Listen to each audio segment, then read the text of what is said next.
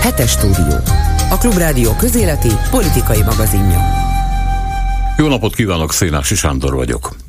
Putyin afrikai vezetőkkel tartott csúcs találkozóján több tízezer tonna ingyen gabonát ajánlott fel a kontinensnek, mint mondta a globális élelmiszer biztonság érdekében, aminek a bizonytalanságát ő ismerheti a legjobban, hiszen éppen azért löveti a még működő ukrán kikötőket, hogy lehetetlené tegye az ottani áruk kiutását a Fekete-tengerre.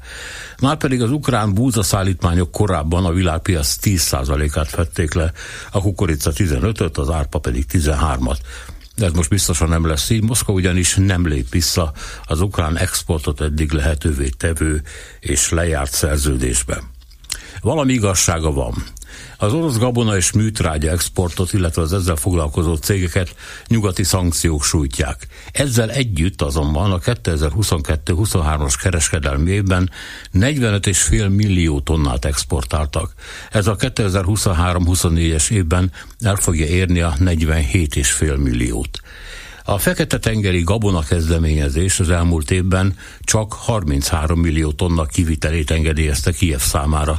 Ezt is állandó húzavonákon, rövid lejáratú hozzájárulásokon keresztül, de most ennek is vége van. A legújabb moszkvai blabla szerint azért is, mert az ukrán hajók valódi, tehát nem hadi jellegű szállítmányait nem tudják ellenőrizni, pedig ezzel sem volt eddig baj. Most azonban az oroszokat kételyek gyötrik, melyik gyanús gabonaszállító hajóra lesznek kénytelenek lőni, és melyikre nem. Véletlenül mindegyikre lőnek majd, és akkor kész a baj. Ezt az ukránok sem akarhatják. Itt tehát előállhat az a helyzet, hogy a világ, de legalábbis Afrika megmentője maga Putyin lesz az ingyen gabonájával. Ki az az őrült, aki erre nemet mond? Mikor akarta Kiev pénz nélkül búzába folytani Egyiptomot vagy Malit?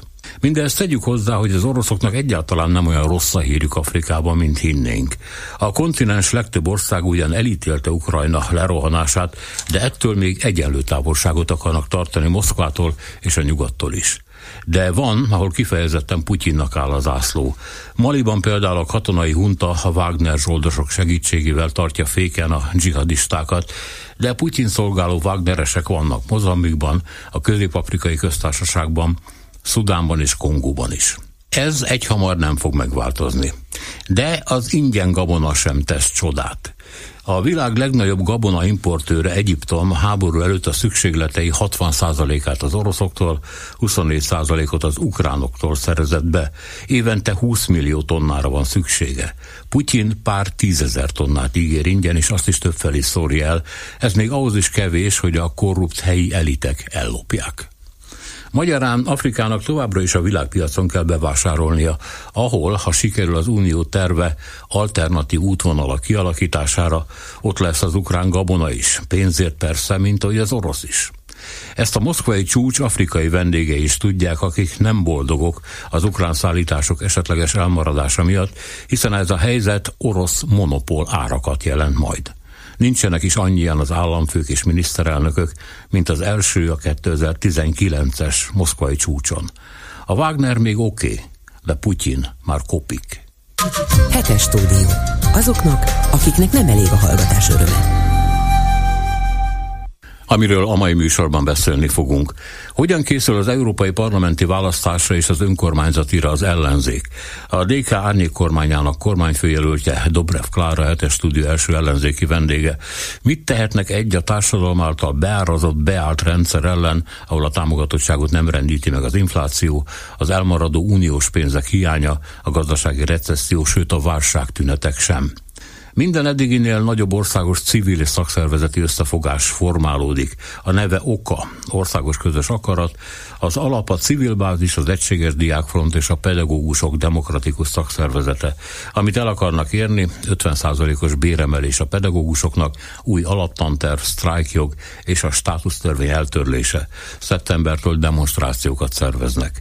A Mészáros cégháló rendületlen terjeszkedését semmi sem akasztja meg, most éppen Horvátország legnagyobb alma exportőr cégét vette meg, itthon meg gyármentő segítséget kap az adófizetők pénzéből.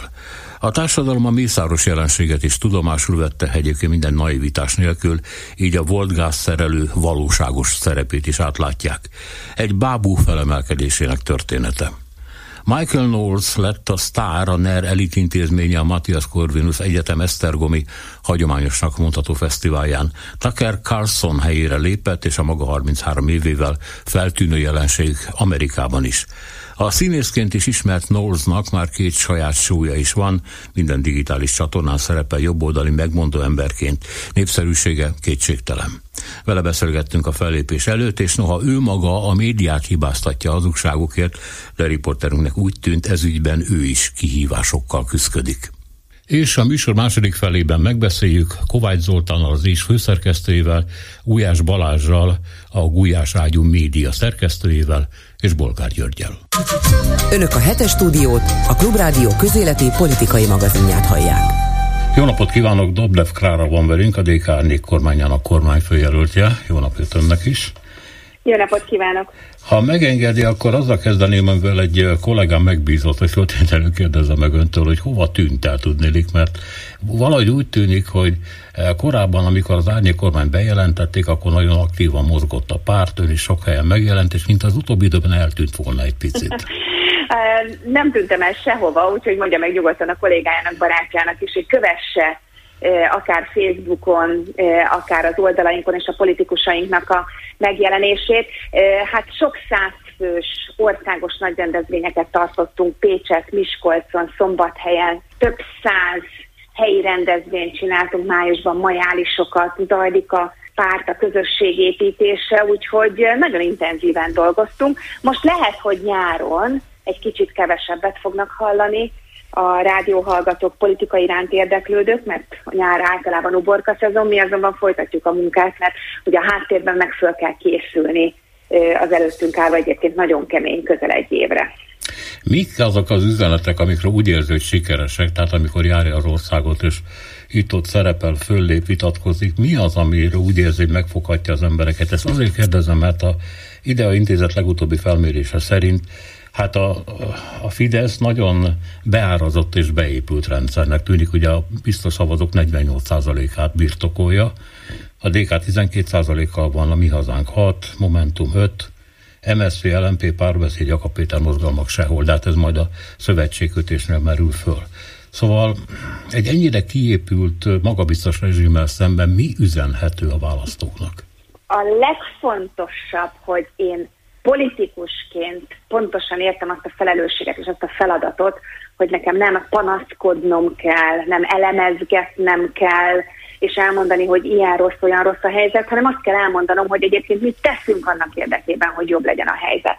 Én azt látom, hogy ma Magyarországon az emberek, az egyének szintjén az elmúlt közel most már több mint fél évben drámaian romlott a helyzet. Az egyéni tapasztalat, amikor bemegy a boltba, vagy kifizeti a számlát, akkor az, hogy minden hónapban zsugorodik az az élet lehetőség, azok az egyáltalán valamilyen módon emberhez méltó életet biztosító körülmények, azok, azok egyre szorítóbbak, és, és egyre nehezebb megélni. Azonban ezek az egyéni tapasztalatok nem adódnak össze közösségi tapasztalattá.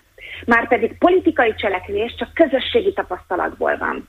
És az, hogy a Fidesz ilyen mértékben uralja a sajtót, ilyen mértékben uralja a közéletet, az éppen azért van, hogy az egyéni emberi problémák, azok ne tudjanak összeadódni közösségi problémává, hogy ne az legyen, hogy ja Istenem, nekem milyen rossz, helyett nehogy véletlenül kialakulja, hogy nekünk rossz, neked is rossz, nekem is rossz, nyugdíjasnak, ápolónak, tanárnak, vagy kétkezi dolgozónak. És akkor tudunk igazán felépni a fidesz szemben, hogyha közösségi élményé tesszük azt, hogy amerre az ország megy, az nem előre visz, nem valami jobb élet felé visz, hanem az a dráma, és igenis van más alternatíva, lehetne egy normális ország is ebből a Magyarországból.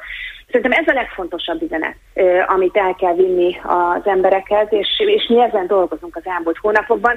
Van, amikor látványosan, mert vannak nagy rendezvények, akár a sajtó által is bemutatott rendezvényeink, de iszonyatos mennyiségű apró munkával, helyi irodák nyitásával, rendezvényekkel, taktoborzással, programokkal, nagyon kemény háttérpolitikai munkával. Nem szégyen tanulni az ellenféltől sem. Mi az ön véleménye arról, hogy a Fidesz médiának mi a trükkje, mivel osztja meg vagy teszi lehetetlenni azt, hogy a különféle társadalmi csoportok fölismerjék a saját közös érdekeiket, és hogyan tudja őket egymásra szembe fordítani, mert ugye ez dolognak ez a lényege. És ha ez sikerül eltarulni, akkor nyilván van ennek valami ellenszere is. Hát, ha nem haragszik, szerintem ne legyünk már hasversve a Fidesz médiától. Semmivel nem jobb a Fidesz média, mint mondjuk a klubrádió. Nem színvonalasabb a műsor, sőt, ugye? Hát nem színvonalasabb, sőt, nem izgalmasabb, sőt, nem jobbak az elemzői, sőt, hát ez egy rendkívül rossz minőségű, buta, hazug propaganda. Egyetlen egy dolog az, amihez értenek. Az az írtatlan mennyiségű pénz és mennyiség, amivel gyakorlatilag kiszorítanak minden egyes ö, értelmes hangot a saját választóik buborékából. Ugye ők mit csinálnak? Ők nagyon vigyáznak az országnak arra a felére, amelyek Fidesz szavazók nehogy véletlenül hozzájuk eljusson. Mondjuk például a klubrádió hangja. És nekünk meg az a feladatunk, hogy ezt megakadályozzuk. Ez, amit az elején mondtam, hogy minél több embernek vigyük el a valóságot, vigyük el azt, hogy hogyan lehetne másképp kormányozni. Én nem szeretem, amikor valaki ilyen latibus, tényleg úgy beszél a Fidesz kommunikációjáról, vagy sajtójáról, hogy azok ilyen profik, vagy olyan profik, vagy amolyan profik. Szerintem nem profik, egyszerűen hazudnak, és elloptak sok száz milliárd forintot a magyar emberektől, és ezt a hazugságot ezen a sok száz milliárd forinton terjesztik. Az igazán profi, az igazán jó politikus, az igazán jó újságíró, az versenykörülmények között tud jobb lenni, hallgatottabb lenni, nézettebb lenni, tud több választót produkálni. Hát azt nem hívom olimpiai bajnoknak, aki beugrik a medencébe, és egyedül kell, hogy ússzon, majd hmm. láss csodát. Ő az egyetlen, aki célba ér. Hogyan készülnek az önkormányzat, illetve az európai parlamenti választásra? Itt ugye már az összefogás fölmerül, és hát említettem már, hogy itt nehéz lesz az MSZP-vel, LMP-vel párbeszéddel összefogni, mert 5% alatt vannak, tehát a bejutási küszöb alatt. Igaz, most itt önkormányzati választásról beszélünk, meg európai parlamentiről, de hát utána majd jön természetesen a fölkészülés a Magyarországos parlamenti választásra. Szóval mi az, ami, ami most látszik? Összefognak-e, vagy ez, ez, a, ez a rossz tapasztalat, rossz szájíz még mindig kitart az ellenzéknél? Az, hogy a politikai pártok egymással versenyeznek, versengenek, mást gondolnak erről vagy arról, az nagyon természetes. Én annyira szeretném visszahozni Magyarországra a politikai vitát, a, a színes politikai életet, a színes politikai küzdelmet. Éppen ezért, amikor belemennek ebbe a vitába, hogy most akkor hány politikai pártra van szükség, én ezt a vitát nem szeretem. Szerintem annyi politikai pártra van szükség, amennyit a választók igényelnek. Igenis van olyan, hogy baloldali politika, szociáldemokrata politika, mi a demokratikus koalícióban ezt képviseljük, van liberális politika, konzervatív, van zöld politika, és azok a boldogabb országok, ahol ezek a politikusok, ezek a pártok meg tudják mutatni önmagukat, és tudnak versenyezni. Magyarországon van egy, ha úgy tetszik, a józanész, vagy még inkább a matematika által diktált törvényszerűség és szükségszerűség, ez a Fidesz választási törvénye, amely megköveteli, amely gyakorlatilag egy kétpárti politikai rendszert hozott létre, most választás szempontból, választás matematika szempontból, azaz megköveteli, hogy a Fidesz egy jelöltjével szemben egyetlen egy jelölt álljon fel. Teljesen mindegy, hogy ez nekünk tetszik, vagy sem, mindegy, hogy szeretjük a holdat, vagy sem, vagy szeretjük a napot, vagy sem, nappal föl kell a nap, éjszaka pedig a hold, a Fidesz választási törvénye pedig megköveteli, hogy azt a fajta együttműködést a politikai pártok azt megvalósítsák, hogy egy jelölt álljon a Fidesz jelöltel szemben, és ezt szerintem meg is fogjuk tenni. Nagyon sok beszélgetés zajlik, ahogy 2019-ben is megállapodtak a politikai pártok, és a vártnál nagyobb győzelmek aratott az ellenzéki oldal, szerintem ez most is meg fog történni, és nem kell megijedni attól, hogy vannak néha viták, sőt, a vitákkal nincsen baj. Sok száz helyen dolgozik együtt az ellenzék, önkormányzatokban, Európai Parlamentben, Magyarország gyűlésben, és én azt látom, hogy a vitáink végén az esetek többségében lehet konstruktív megállapodás, úgyhogy ne ijedjünk meg attól, hogyha néha-néha vitatkoznak egymással a politikusok, sőt ez kellene, hogy legyen a természetes. Hát nagy kihívás azért a tavalyi vereség, mert utána hát úgy tűnt, sőt tapasztalatok ezt mutatják, hogy a DK vonzereje megnőtt, és tulajdonképpen, mint a DK abban kezdett volna hinni, hogy egy párt legyen, álljon föl igazából erőben a fidesz szemben, Úgyhogy amennyiben most egy közösségi politikára van igény a választóknál, akkor eh, nyilván egy erősebb DK és egy gyengébb partner szövetségre kell számítani, jól látom? Szerintem három dolog van, amit eh, meg kellett érteni, és, és meg kellett tanulni, és én azt látom, hogy a fidesz szemben állók sokasságának a jelentős része most már érti. Az egyik, hogy különösen a Fidesz, ha úgy tetszik, akkor neokon eh, kormányzása után Magyarországnak egy határozott baloldali kormányra és politikára van szükség. Nem csak kormányzás szempontjából rendbe kell tenni a magyar államot, rendbe kell tenni a magyar közszolgáltatásokat, hanem a választás megnyerése szempontjából is. Ma az a párt fog tudni nyerni, az a politikai erő tud, fog tudni nyerni, amely azt tudja ígérni az embereknek, hogy nem kivonul az állam, nem kevesebb állam lesz, hanem egy erős, hatékony, gondoskodó államot tud fölépíteni, ahol nem elherdálják az adófizetők pénzét, hanem arra költik, ami a legfontosabb egy országban az emberekre, ö, ö, oktatásra, egészségügyre, szociális kiadásokra. Szerintem ez egy, ez egy nagyon fontos tanulság, és ebből, ha úgy tették, akkor egy kicsit határozottan is fogalmaznék, én ebből soha nem fogok engedni. Egy erős baloldali szociáldemokrata, európai szociáldemokrata politikára van szükség ennek az országnak, és így is fogjuk a választást megnyerni. Kettő, és ez a második tapasz, ö, tanulság, hogy, a, hogy tessék tudomásul venni, hogy a parlamentáris demokrácia az a pártok és politikusok által képviselt különböző rendkívül színes érdekek és értékek vitája, küzdelme, versenye. Nagyon fontos, hogy erős és hatékony civil szervezet legyen egy országban, a civileknek az a feladata, hogy felhangosítsák azoknak a hangját, akiknek nem lehet hallani, hogy, hogy érdeket érvényesítsenek, hogy ellenőrizzenek, hogy, hogy tiltakozzanak, sztrájkoljanak, tüntessenek, vagy éppen támogassanak, attól függően, hogy hogy alakul a politika megvalósítása, azonban közhatalmi pozícióba, ugye ezt jelenti, ha önkormányzatokba, ha európai parlamentbe, vagy éppen a magyar kormányba készül egy politikai erő, az politikai pártok készülnek erre a feladatra. Addig, amíg ez az antipolitikusi populizmus fennmarad az ellenzéki oldalon, addig a Fidesznek nagyon könnyű helyzete van, ezért én mindenkit arra bátorítok, hogy ha van olyan párt, ami tetszik neki, akkor támogassa azt a pártot, ha pedig nincsen olyan, akkor akár hozzon létre pártot, kezdjen el politizálni, ha nem tetszenek a mostani politikusok, de politikusokra és pártokra van szükség, ők azok, akik ezt a közösséget építik. És a harmadik tapasztalat, és ez egy kicsit közelebb visz a válaszhoz az ön kérdésére, az az, hogy a politikában egyetlen egy dolog tud erőt adni egy politikai közösségnek, és ez a politikai közösség mérete és a szavazóinak a száma. Nem elég szimpatikusnak lenni, okosnak lenni, helyesnek lenni, felkészültnek lenni, aki nem tudja elvégezni azt a házi feladatot, hogy erős politikai közösséget építsen, visszatérünk az első kérdésére, hogy mitől olyan erős még mindig a Fidesz, éppen azért, mert az ellenzéki oldalon politikai közösség építése rendkívül meg van nehezítve, és ugye a demokratikus koalíció ezen dolgozik már évek óta, és, és nagyon sok tennivalónk van még. Szóval annak a politikai erőnek kell tudni vinni a legnagyobb felelősséget, és kell tudnia vezetni ezt a koalíciót, amelynek a legnagyobb támogatottsága és legtöbb szavazója van. A DK most a legerősebb ellenzéki párt, és, és mi értjük ezt a felelősséget. Én magam is értem ezt a felelősséget.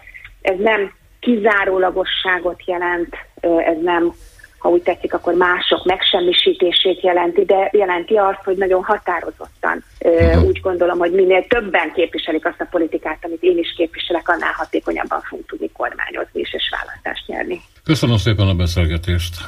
Köszönöm szépen. Minden jót kívánok. Dobrev Klárát hallották, a Demokratikus Koalíció árnyék kormányának kormányfőjelöltjét. Hetes stúdió. Azoknak, akiknek nem elég a hallgatás öröme. Minden eddiginél nagyobb országos civil és szakszervezeti összefogás formálódik a neve OKA, vagyis Országos Közös Akarat. Az alap a civil bázis, az Egységes Diákfront és a Pedagógusok Demokratikus Szakszervezete, amit el akarnak érni. 50%-os béremelés a pedagógusoknak, új alaptanter, sztrájkjog és a státustörvény eltörlése. Szeptembertől demonstrációkat szerveznek. Pestistan összeállítása.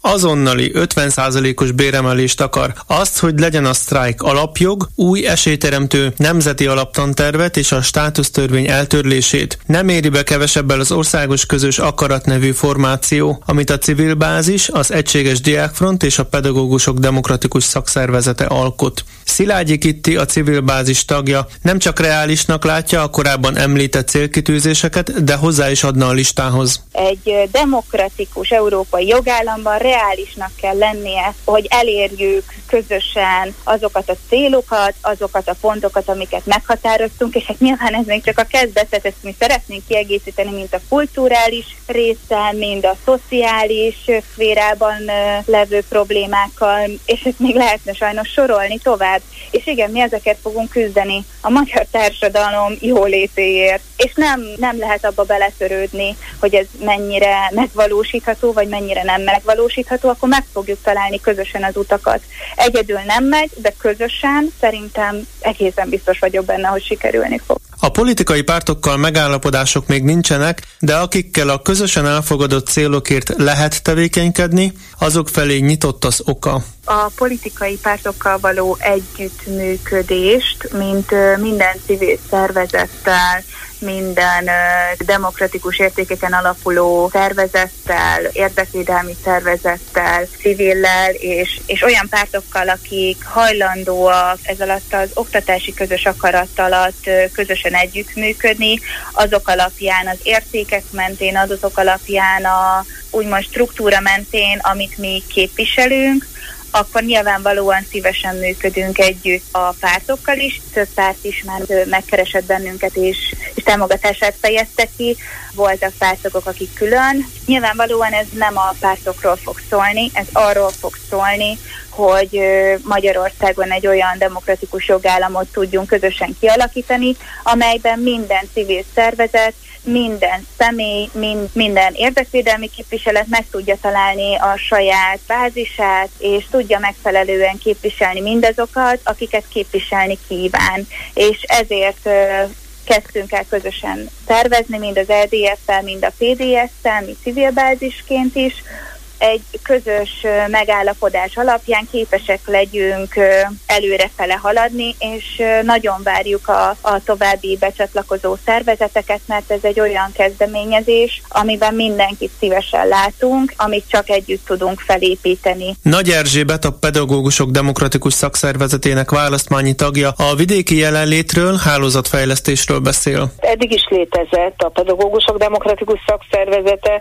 az Egységes Diákfront is, a civil civilbázis is, és voltak együttműködéseink, de ez most egy hosszabb távú együttműködésre való szövetkezést jelent. Nekiállunk egy olyan országjárásnak, amelynek nem csak a tájékoztatás a célja egyébként az is, hanem egy olyan hálózatépítés, egy aktivista hálózatépítés, amelyel egyébként a tiltakozást, az ellenálló akciókat lehet erősíteni, azzal talán sikerül áttörnünk azt a fajta apátiát, amely jelen pillanatban jellemzi a közoktatást, az abban dolgozókat, a szülőket, diákokat nagyjából egyaránt, mert hogy azt lehetett látni, hogy Magyarországon eddig még soha nem látott sztrájk hullám után, illetve összefogások után, kiállások után a kormányzat még mindig nem hajlandó érdemben cselekedni. Hát mi ezt a falat szeretnénk közösen áttörni, egy sokkal nagyobb szervezettséggel, mint eddig. A vidéki nagyvárosokat célozzuk meg,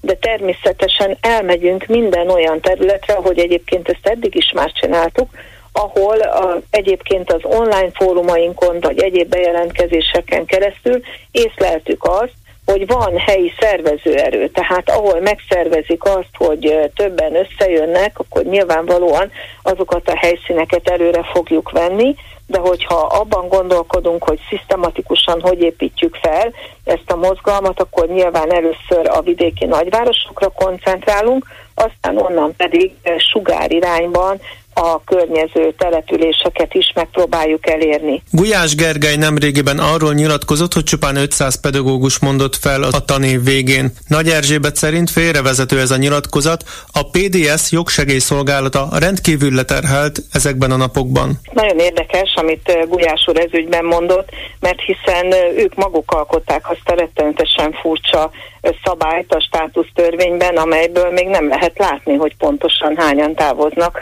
a státusztörvény miatt. Ugyanis abban meghatároznak bizonyos időszakokat, amikor is valamivel jobb kondíciókkal lehet távozni, mint egyébként.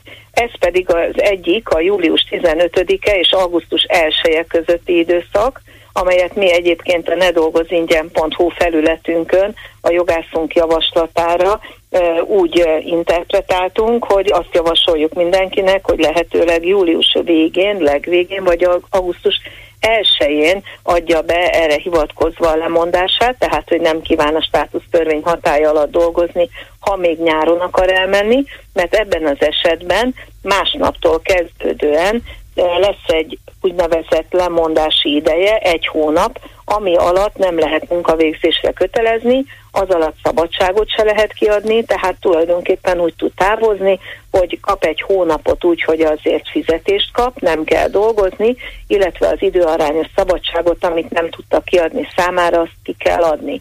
Ezzel kapcsolatban még nem rendelkezhetnek pontos információkkal, hogy hányan lesznek, akik ezzel élnek, és különösen nem rendelkezhetnek arról információkkal, hogy majd szeptember 15 és szeptember 29-e között hányan nyilatkoznak úgy, hogy nem kívánnak a státusz törvény hatája alatt maradni, mert ekkor ráadásul nem csak egy hónap ilyen úgynevezett lemondási idő jár számukra, hanem még egytől három hónapig terjedő végkielégítés is.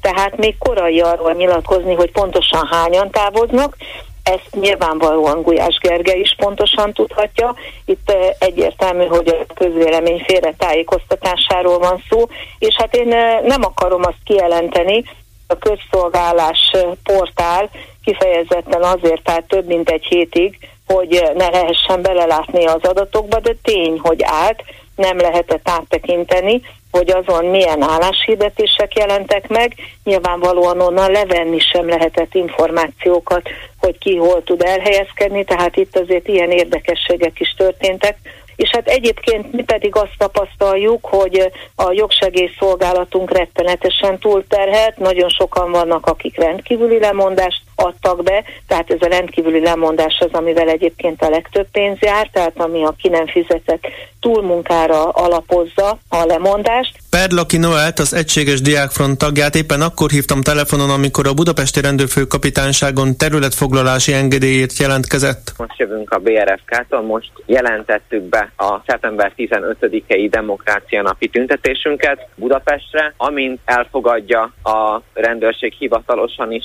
a tüntetés menetét, kirakjuk a Facebook eseményt. Szeptember 15-én 16 óra 30-kor fogunk elkezdeni gyülekezni a Margit híd Budai hídfőjénél, és innen vonulunk majd át a Kossuth térre. Ez egy vonulásos, hídfoglalásos, rövid beszédes tüntetés lesz. Az oka soron következő rendezvényeiről Perlaki Noel nyilatkozott a Klubrádiónak. Úgy néznek ki az egész szeptemberünk, hogy a szeptember 1-én az országos tanévnyitó, valamit már szintén megkérdettünk Facebookon, megalapozunk mindent, ami történni fog az elkövetkezendő egy hónapban. Ez egy uh, vitasátras, morinó készítéses, panelbeszélgetéses, esemény lesz, le fogjuk képezni az Európai Uniónak a parlamentjét a Kossuth téren, egy demokrácia élményt adni a résztvevőknek, és ez gyakorlatilag a szeptember 15-i nagy tüntetésre való felkészülésnek a kezdete. Ezt követően a következő két hétben szeretnénk, hogyha minél több embert legyen az magánszemély vagy szervezet, be tudjunk volni abba, hogy szeptember 15-én egy nagy tüntetésünk legyen. Ez azt jelenti, hogy rendszeresen akcióznánk, amivel bárki részt vehetne. A szeptember 22-ére pedig szeretnénk vidéken tüntetéseket rendezni. Nagyon örülnénk, hogyha a szeptember 15-e tudna egy olyan erőt mutatni az oktatás kérdése mellett, hogy vidéken is kimerjenek állni az emberek a véleményük mellett. Szeptembertől előbb Budapesten, majd vidéken rendszeresen demonstrációkat szervez az OKA, májusig bezárólag. Önök a hetes stúdiót, a Klubrádió közéleti politikai magazinját hallják. Nincs igazán kerekéfordulója a Mészáros Birodalomnak, de hát időről időre számba kell venni, hogy éppen hol tart a nemzet gázszerelője. Ha jól tudom, most éppen 360 cége van, és hát sok mindennel foglalkozik, valóban nagyon elfoglalt ember, autópálya, koncepció, közterületi reklámok, bankmédia, paksi fejlesztések, és hát a munkából jut a gyerekeknek is, ők a Komáromi stadiont építik meg, ki tudja még mint. Katus Eszter, az átlátszó munkatársa van velünk, jó napot kívánok! Jó napot kívánok! Ez a 360 rendben van? Vagy ez csak így összeszedtük a médiából, aztán olyan pontatlan, hogy annak lennie kell? Hát szerintem ennél több lehet, mert mi évekkel ezelőtt ennél so jó volt, majdnem kétszer ennyit számoltunk, persze nyilván azóta tisztítottak a portfólión, tehát lehetnek olyan cégek, amitől közben megvált. Jelenleg mi sem tudjuk még azt számolni, hogy mennyi van összesen, de biztos, hogy több száz érdekeltsége van. Ugye hát valahol elég, elég egyértelműen vissza lehet követni, hogy ugye ő a tulajdonos, mert ugye látszik a céghálóban, ugye az a bonyolultabb, ahol magántőke alap van a háttérben, mert ugye ott nem feltétlenül tudjuk mindig minden magántőke alapról, hogy ki a tulajdonosa, vagy ki van benne. Illetve hát ugye nagyon sok ö, cég kapcsolódik a különböző koni rokonsághoz, testvér, ugye gyerekek, tehát hogy azért elég kiterjedt ez a cégháló most már. És hát mondjuk a befektetési alapok esetében nem föltétlenül kell nyilvánosságra hozni a tulajdonosok nevét, tehát ott nem tudjuk pontosan, hogy mennyi pénze van Mészárosnak. Hát igen, ugye a magántőke alapok azok pont azért lettek úgymond az offshore paradicsom Magyarországon, bár nem ez volt a célja alapvetően magántőke alapoknak, mert nálunk ugye az lett a vége, hogy ide el lehet rejteni, rejteni a tulajdonosi hátteret, meg akik ebben részt vesznek. Ugye az alapkezelő az még csak-csak nyilvános, de ugye akik benne vannak, azok, hogy befektetnek, azok nem. Ugye a Direct 30 még időbe elcsípte, ugye pár hónappal ezelőtt az egyik nyilvános adatbázisból, hogy melyik, melyik uh, mögött kiáll, és akkor azt gyorsan mi is így elmentegettük, mindenki, aztán abból kiderült, hogy az egyik legtöbb az nyilván a Mészáros Lőrinchez köthető, például az ECO, vagy a Konzum, vagy a Status Food, viszont pont most derült ki, hogy ezeket eltüntették már a nyilvántartásból, úgyhogy most már tényleg nem látszik, abban se hiába volt eddig elérhető, úgyhogy nyilván így még nehezebb visszakövetni, hogy akkor valójában mekkora a vagyon, meg hogy ki mögött kiáll. Mikor kezdődött az ő fölemelkedése?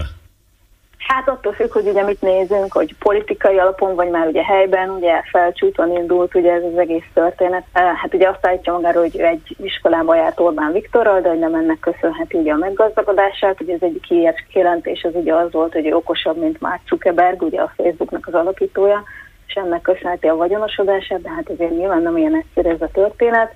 Először még ilyen támogatóként, ugye gázszereléssel foglalkozott, ebből azért volt valamennyi bevétele, és akkor támogatta a, a felcsúti utánpótlás nevelését alapítványt, ugye ide folyt a pénzt, és így állítólag a foci kapcsán ismerkedtek jobban össze az Orbán Viktora, és így lettek jobban barátok, és akkor utána indult ő politikusként, és már itt volt egy ilyen érdekes, hogy ő belőle hogy lett polgármester, hogy aki előtte megnyerte a, a választást, akkor uh, nem, a, nem is tudom pontosan, hogy ki, akkor máshol kiindult a Fidesz színeiben, és ugye a független Varga Györgyöt választották meg, és ahogy megválasztottak, utána nem sokkal hoztak egy új törvényt, hogy köztartozásra rendelkező ember nem lehet polgármester, és ezért kötelezően le kellett váltani a Vargát, és egy új választást kellett kiírni, és akkor viszont már ezt nem Mészáros Lőrinc nyerte meg, és akkor utána ő volt egészen 18-ig ugye felcsút polgármester, és akkor közölt, hogy hát lemond, hogy az érdekeltségeivel tudjon foglalkozni, és akkor azóta ugye ő már nem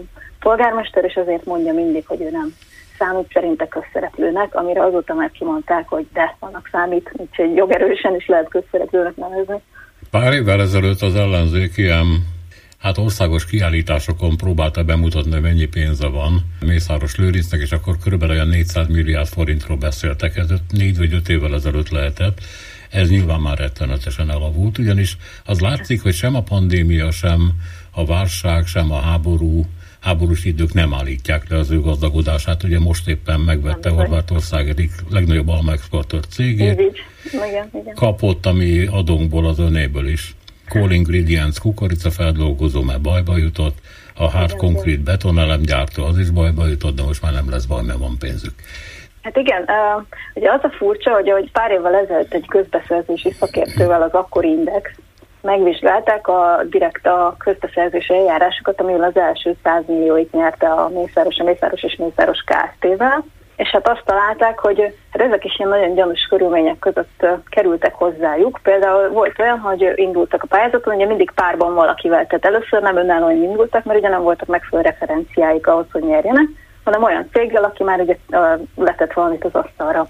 És akkor velük olyan pályázatokon nyertek, hogy az összes többi indulót kizárták. Mit tudom én, drágább ajánlatot adtak, de mivel mindenkit kizártak, mégis ők nyertek, tehát hogy valahogy egyik, egyik sem volt tiszta, de végül is így elnyertek így több olyan ö, konzorciumba, több olyan ö, ö, tendert, ami, amilyet korábban előtte ugye nem a KFT-vel, tehát bekerültek egy olyan piacra, ahol előtte ők nem voltak jelentős szereplők, de mivel ezekkel a több milliós pályázatokkal már lett referenciájuk, onnantól már indulhattak akár önállóan is, vagy párba más nagyobb cégekkel, több milliárd értékű beruházásoknál, és akkor már ott is nyertek, mert ugye meg tudtak mutatni megfelelő referenciát. Tehát tulajdonképpen közpénzzel felhízolták a saját cégeiket ahhoz, hogy a még drágább közpénzes beruházásokon tudjanak indulni. Tudták ugye bővíteni a cégcsoportot, egyre több pénzből egyre több mindent megvettek, és hát ugye ez nyilván termeli a hasznot, ugye hát egészen addig, amíg ugye vannak beruházások. Most azért azt látjuk, mi nagyon sokat foglalkozunk ugye közbeszerzésekkel, mert minden nap nézzük az értesítőt, hogy azért az építési beruházások azok nagyon eltűntek ugye az utóbbi időben, hogy nem jön az uniós forrás, és biztos vagyok benne, hogy azért a cégeken is meg kéne, hogy látszódjon. Most visszatérve egy pillanatra csak a Call ingredients ami ugye kapott a gyármentő programból. Na most azért, hogy mennyire rosszul áll ez a cég, 83 milliárdos forgalma volt, és 800 milliós vesztesége, és akkor úgy gondolták, hogy ki kell segíteni. Amúgy meg Mészáros Lőrinc a leggazdagabb, tehát 660 milliárdos vagyona van, tehát hogyha tényleg ezeket a cégeket kell megmenteni, ha nem tudom mitől, akkor, akkor az azért lehet, hogy egy kicsit gyanús. Ki vagyok én, hogy azt gondoljam, hogy nem igaz az állítás, hogy Mészáros Lőrinc háromszor olyan okos, mint Zuckerberg, négyszer olyan okos, mint Elon Musk, és itt tovább, ez nem, nem vitatkozom. Egyszerűen csak azt gondolom, hogy annyiféle annyiféle vállalkozásban utazik, amelyek egymással semmiféle kapcsolatban nincsenek, hogy ezt átlátni még neki is sok, pedig hát ő egy igazi hát, magyar zseni, ugye? Igen, Tehát igen. föltételezhetjük, hogy ő igazából az arca ennek a birodalomnak, és ezzel még nem mondtunk sokat, de mögötte kell működni egy olyan igazgatóságnak, egy olyan menedzser csoportnak, amelyik valójában viszi az ügyeket, és átlátja, hogy mi történik. Erről a második vonalról tudunk-e valamit? Hát ez egy részben feltárt, részben feltáratlan, meg vallam őszintén, hogy szerintem ezzel keveset foglalkozik. Amúgy is sajtó nyilván vannak olyan barátok, meg Jászai Gellért például, akivel ugye a szállodalánccal kapcsolatban lehet őt összehozni, de hát azóta ő már ugye saját útját járja, és ugye rengeteg megbízás az utót, nem egy Holmi Tamás, tehát vannak például ügyvédnevek, meg egy-két, egy-két személy, akiről tudjuk, hogy, hogy jóban volt, vagy van a mészáros és akkor ők felbukkannak itt-ott különböző szerződések kapcsán de hogy ott konkrétan kik még az agytröztök, mint ahogy Orbán Viktornál lehet, hogy mondjuk Rogán Antal működteti az egész kommunikációs gépezetet, szerintem itt azért nem feltétlenül annyira egyértelmű, hogy kik azok, akik, akik viszik, de az biztos, hogy nem magától ilyen. Most ugye erre azt a bizonyítékot tudnám mondani, ha ezt vehetjük annak, hogy ugye amikor nyilatkozott pár év az Indexnek, ugye nem szokott már, mivel ő, amint mondtam, nem tartja magát közszereplőnek, ezen nem nagyon hajlandó találkozni a sajtóval, és nem is szokott nagyon interjúkat adni, ez kivétel volt ugye az új, új Index, és akkor nekik egy olyan interjút adott, ami kicsit olyan zavaros volt, de hogy tele volt olyan kifejezésekkel, amit valószínűleg nem hallhatunk tőle, hogyha egy az utcán megszólítjuk, mert amikor tartott például az ösztöndíjasoknak egy beszédet, azt azóta már gondolom, hogy sokan hallották, hogy hogy nem volt igazából egy mondat, amit összefüggően meg tudott volna fogalmazni. Tehát egy ilyen személy nem tud egyszerre elvezetni ennyi céget, meg átlátni mindent, és közben kimondani egy olyan mondatot, hogy ne legyetek bátortalanok, bátorak legyetek. Tehát én kizárt dolognak tartom, hogy ez, ez a kettő működjön. Tehát azért csak kéne, hogy valami átfedés, még ha nem is ért mindenhez, de legalább tényleg egy összefüggő szöveget értelmesen el tudjon mondani. A magyar... Igen, biztos, hogy megvannak az emberei, igen, igen, igen. A magyar társadalom elfogadta a mészáros jelenséget, legalábbis én nem látom a, a fölháborodás és a látongás különösebb jelét ez ügyben, de azért az emberekkel beszélgetve arra rájöhet mindenki, hogy hát körülbelül tudják, hogy ő inkább egy stróman szerepben van, tehát egy bábú, akivel báboznak, e, és hát mögötte ő a, a miniszterelnököt, illetve a miniszterelnök környezetét sejtik. Na most ez ügyben bármikor is bármiféle független sajtónak, médiumnak sikerült-e bármit is bizonyítania, vagy legalább egy morzsát ez ügyben földszínre hozni? Hát az Orbán bányákkal kapcsolatban volt, hogy ők, kaptak megbízást, meg ő rajtuk keresztül, tehát ugye Mészáros Lőrinc velük üzletelt, tehát ott azért az egyértelmű volt, de én azt gondolom, hogy mivel ennyire figyeljük őket, meg figyeli őket azért most már elég sok sajtóorgánum, ők meg pontosan figyelnek arra, hogy ezek ne legyenek egyértelműen kimutathatók, tehát hogy azért ahhoz nagyon-nagyon bele kell lássa, meg olyan információkhoz kéne jutni, amihez egyáltalán nem jutunk hozzá, meg még az ellenzék sem tehát hogy a politikai ügyekben jártasok sem jutnak hozzá, ez, ez abszolút kézzelfogható volt annó, meg hát azért beülnek ki idővel mindig a cégekről, hogy, hogy ki melyik Stroman cégen keresztül folyatja át a pénzt, de az, hogy most az Orbán Viktornál van a kasszakulcs, amit ugye bevittek valami sem 800 milliós, 50 milliós, a házukba szép, ugye elkapták a fotóval, amikor beemelték ugye a Mészáros Lőrincék új házába a nagy széfet, de hogy, hogy ez a kulcs, az kinél van, hát ezt nyilván egyértelműen nem jelenthetjük ki de, de az, az azért példátlan. Valaki kiszámolta, hogy így folytatja Mészáros, akár ő lehet a világ leggazdagabb embere x év alatt, mert egy ilyen jellegű, ennyire gyors meggazdagodást egyszerűen nem lehet produkálni normális piaci viszonyok között. Tehát, hogy ez, ez egyszerűen nem normális, még külföldön sem. Tehát hát, még, ilyet még a Csányi se tudott, pedig azért a Csányiról elmondhatjuk, hogy ő azért ért hozzá, mert ő is rengeteg vállalkozásban érdekelt, és kő is kőgazdag de hogy még ő, még ő se tudott ilyet, és még Zuckerberg se tudott ilyet. Tehát, hogyha ha, ha ő, tehát, hogy ez, ez annyira meg kell, hogy támogatott dolog legyen, meg megrendezett dolog legyen, hogy egyszerűen másképp elképzelhetetlen, hogy ezt véghez lehessen vinni. Úgyhogy biztos, hogy van valami háttérben, viszont arra csak egy, egy mondatba kitérnék, hogy mennyire fogadja el a, ezt a jelenséget az olvasóközönség, vagy aki figyeli egyáltalán ugye a közéletet, vagy a politikát, hogy de hát, de hát akkor legalább magyarok kezében van, és hogy ő legalább kifizeti a munkásait, ami hm. egyébként most már nem igaz tehát hogy most már több olyan bedölt, bedölt beruházás van, ahol nincsenek kifizetve az alvállalkozók, meg az érintett dolgozók, úgyhogy most ezt már, ezt már meg tudom cáfolni, tehát ez most már nem igaz, hogy kifizetik.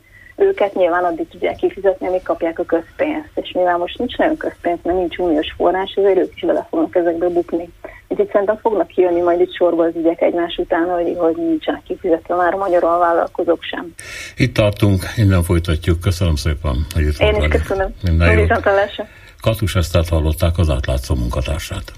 Hetes stúdió. Azoknak, akiknek nem elég a hallgatás öröme. Michael Nose lett most a sztár a NER elit intézménye a Matthias Corvinus Egyetem Esztergomi hagyományosnak mondható fesztiválján Tucker Carlson helyére lépett, és a maga 33 évével nagyon feltűnő jelenség Amerikában is. A színészként is ismert Knowles-nak már két saját sója is van minden digitális csatornán, szerepel jobboldali megmondó emberként, népszerűsége tehát kétségtelen. Vele beszélgettünk a fellépése előtt, és noha ő a médiát hibáztatja a hazugságokért, de riporterünk vendégünknek úgy tűnt, ezügyben ő is kihívásokkal küzdik. Csernyánszki Judit interjúja. Michael Knowles az elmúlt két-három évben az egyik legnépszerűbb konzervatív műsorvezetővé nőtte ki magát Amerikában. A Yale Egyetemen végzett, színészkedett, tévéműsorokban, showkban, kisebb-nagyobb filmekben. Meghívták a Daily Wire Show-ba műsort vezetni. Aztán egy-kettőre saját magára szabta ezt a sót. Ilyen egyszerű címmel The Michael Knowles Show ahogy ezt a nagyok szokták. Egyszer csak itt termett Magyarországon. Meghívta az MCC, a Mátyász Corvinus Kollégium, hisz bőven van mit pazarolnia, kistafírozta az állam. Szóval meghívták az Esztergomi, most már hagyományosnak mondható MCC Festre. Roppant készséges volt, amikor interjúra invitáltam. Sejtettem, hogy nem lesz nehéz dolgom, hisz akinek könyve jelenik meg, az minden alkalmat megragad, hogy promótálja azt. Szóval miért is jött hozzánk? Van valami üzenete a magyar fiatalok számára? Kérdem Michael Nost. Well, my message in my uh, newly published translation of my book is rather thin. Because the book doesn't contain any words, though I suppose that is. Az üzenetem a most magyarul is megjelent könyvem, ami igencsak szűkösre szabott, mert hogy egyetlen szó sincs benne. És ez tulajdonképpen az én üzenetem. Üres könyvet fordítottak le? Így, így. Kaptam egy e-mailt Magyarországról, hogy mit szólnék, ha lefordítanák a könyvemet. Mondom, ez elég fair ajánlat, nem sok munka lesz vele. Hat éve Amerikában jelent meg az eredeti, amit már Trump elnök is nagyra értékelt. Nem tudja persze elmondani a címét magyarul, de azóta le is csekkoltam. Valóban Esztergomban, a MOL nagy színpada előtti sátorban már kapható is, de persze Budapesten is a Libri polcain. Ott ékeskedik a Miért is szavazzunk a libernyákokra című könyv, amin tényleg dolgoztak a magyar szerkesztők, hisz a libernyákok grafikái is ott díszelegnek a címlapon. Szerintem nagyon büszke lehet Gyurcsány Ferenc és Karácsony Gergely is, hogy egy sorba egy szintre kerül Joe Bidennel, Soros Györgyel, ezt persze már megszoktuk, és ötödikként mosolyog ránk a címlapról G. Verhofstadt. Oké, okay, de akkor mit gondolt a cím mögé? Az alapjogokért központ fordította le nekem, amire nagyon büszke vagyok. De hogy mit is akarok mondani? Nagy hatást gyakorolt rám az, amit Magyarország tett a konzervatív politika megerősítéséért. Tudva levő, hogy a konzervativizmusnak nyugaton is számos válfaja van, és a konzervatívok gyakran semmit nem képesek konzerválni de nem így Orbán Viktor. Rendkívüli dolgot tett, megőrizte a demokráciát, de illiberális csinált belőle, és az utóbbi években ezt kiegészítette a keresztény kultúrával, ami igencsak figyelemre méltó, mert test és a lélek. És mielőtt belemenne a keresztény lélek értelmezésébe, kérdem, tulajdonképpen azért jött, hogy demonstrálja Orbán melletti kiállását a fiatalok előtt? Igen, bizonyos fokig a csodálatomat szeretném kifejezésre juttatni. Ugyan nem vagyok magyar állampolgár, ezért nem tudom, mit jelent az én támogatásom a fiatalok számára. De amit a családok érdekében tesz Orbán Viktor, az valóban figyelemre méltó. Mert a test és a lélek a kereszténységgel karöltve Nézze, ezzel a kereszténységgel, amit és ahogy azt az Orbán kormány megjeleníti, ha nem is a többség, de érzésem szerint az ország fele nem ért egyet, mert ez a keresztény eszme nem a kereszténység igazi arcát mutatja. Ön szerint milyen keresztény az, aki nem fogadja be a menekülteket? Segítségért jönnek ide, és a kormány válasza drótkerítés. Vagy milyen keresztény az, amelyik a háborút támogatja, minden mondatában sugalja Orbán, hogy nem az ukránok oldalán áll, hanem az oroszokén.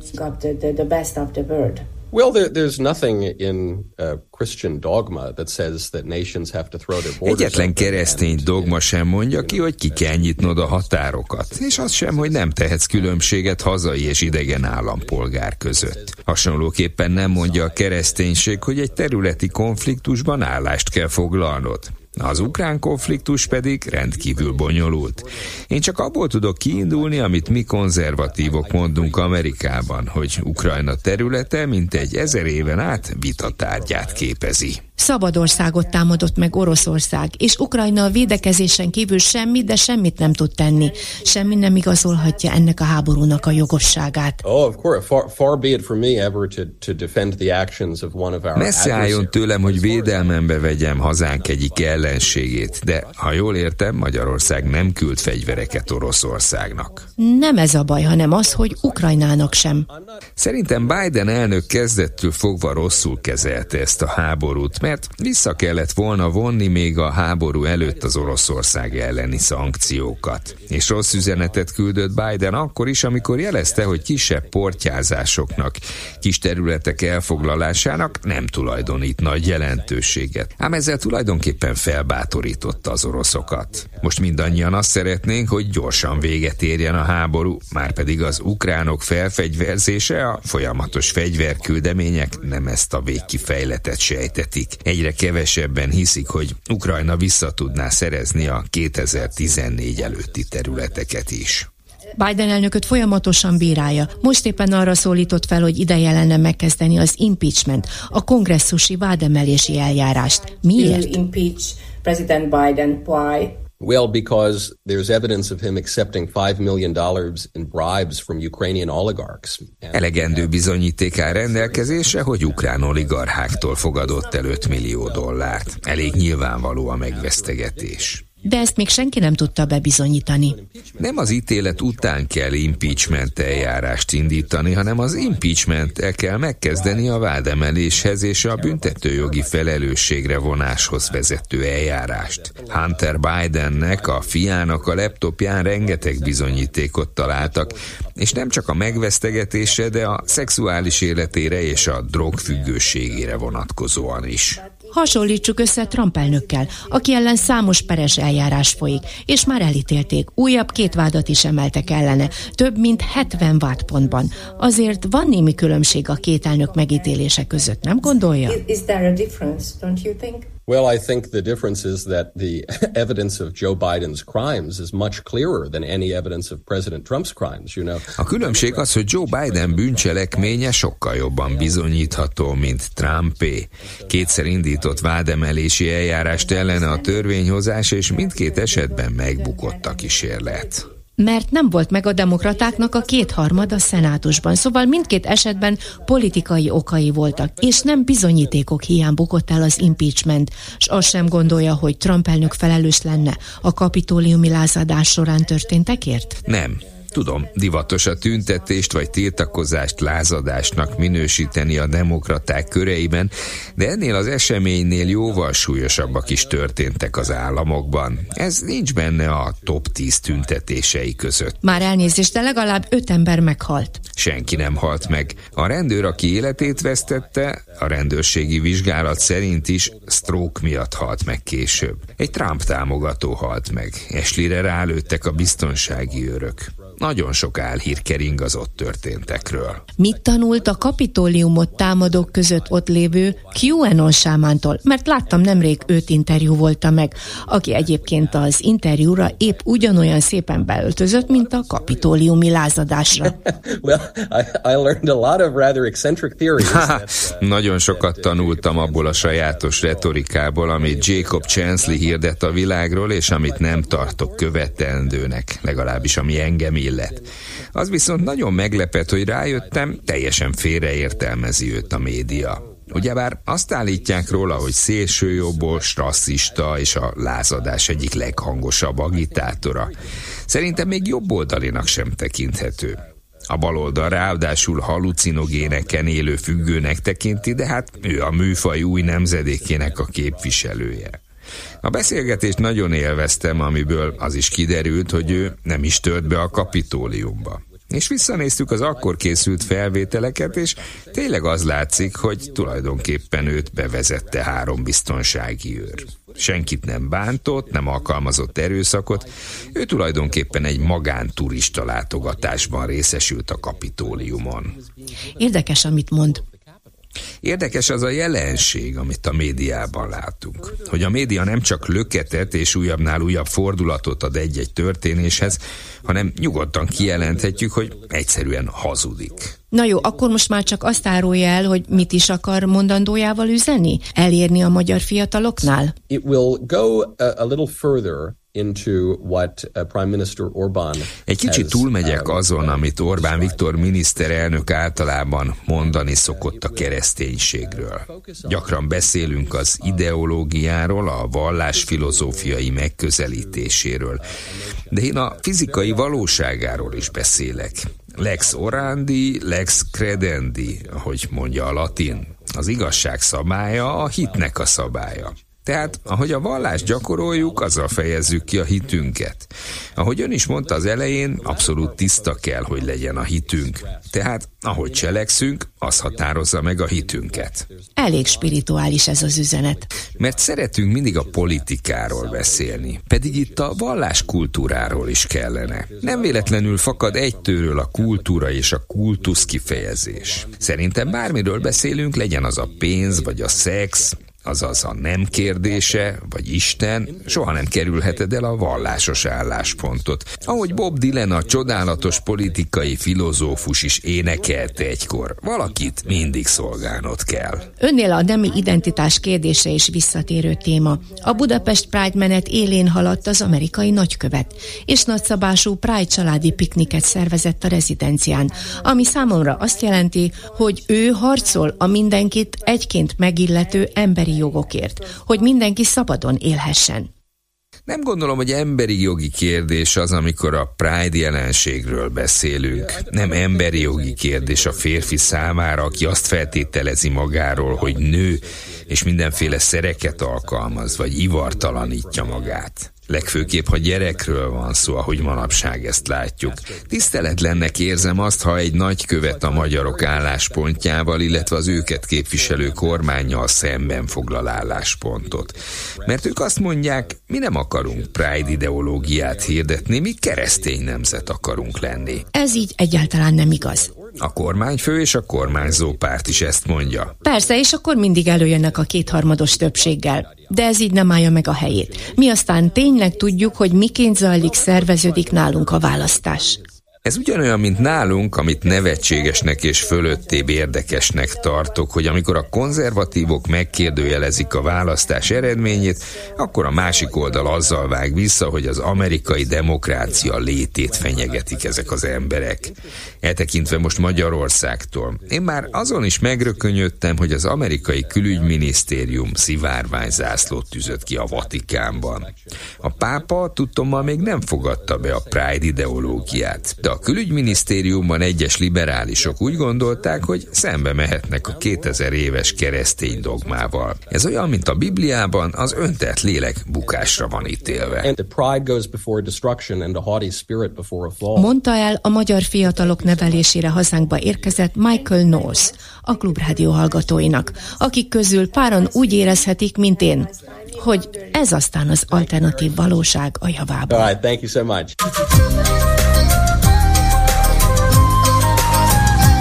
Hetes stúdió.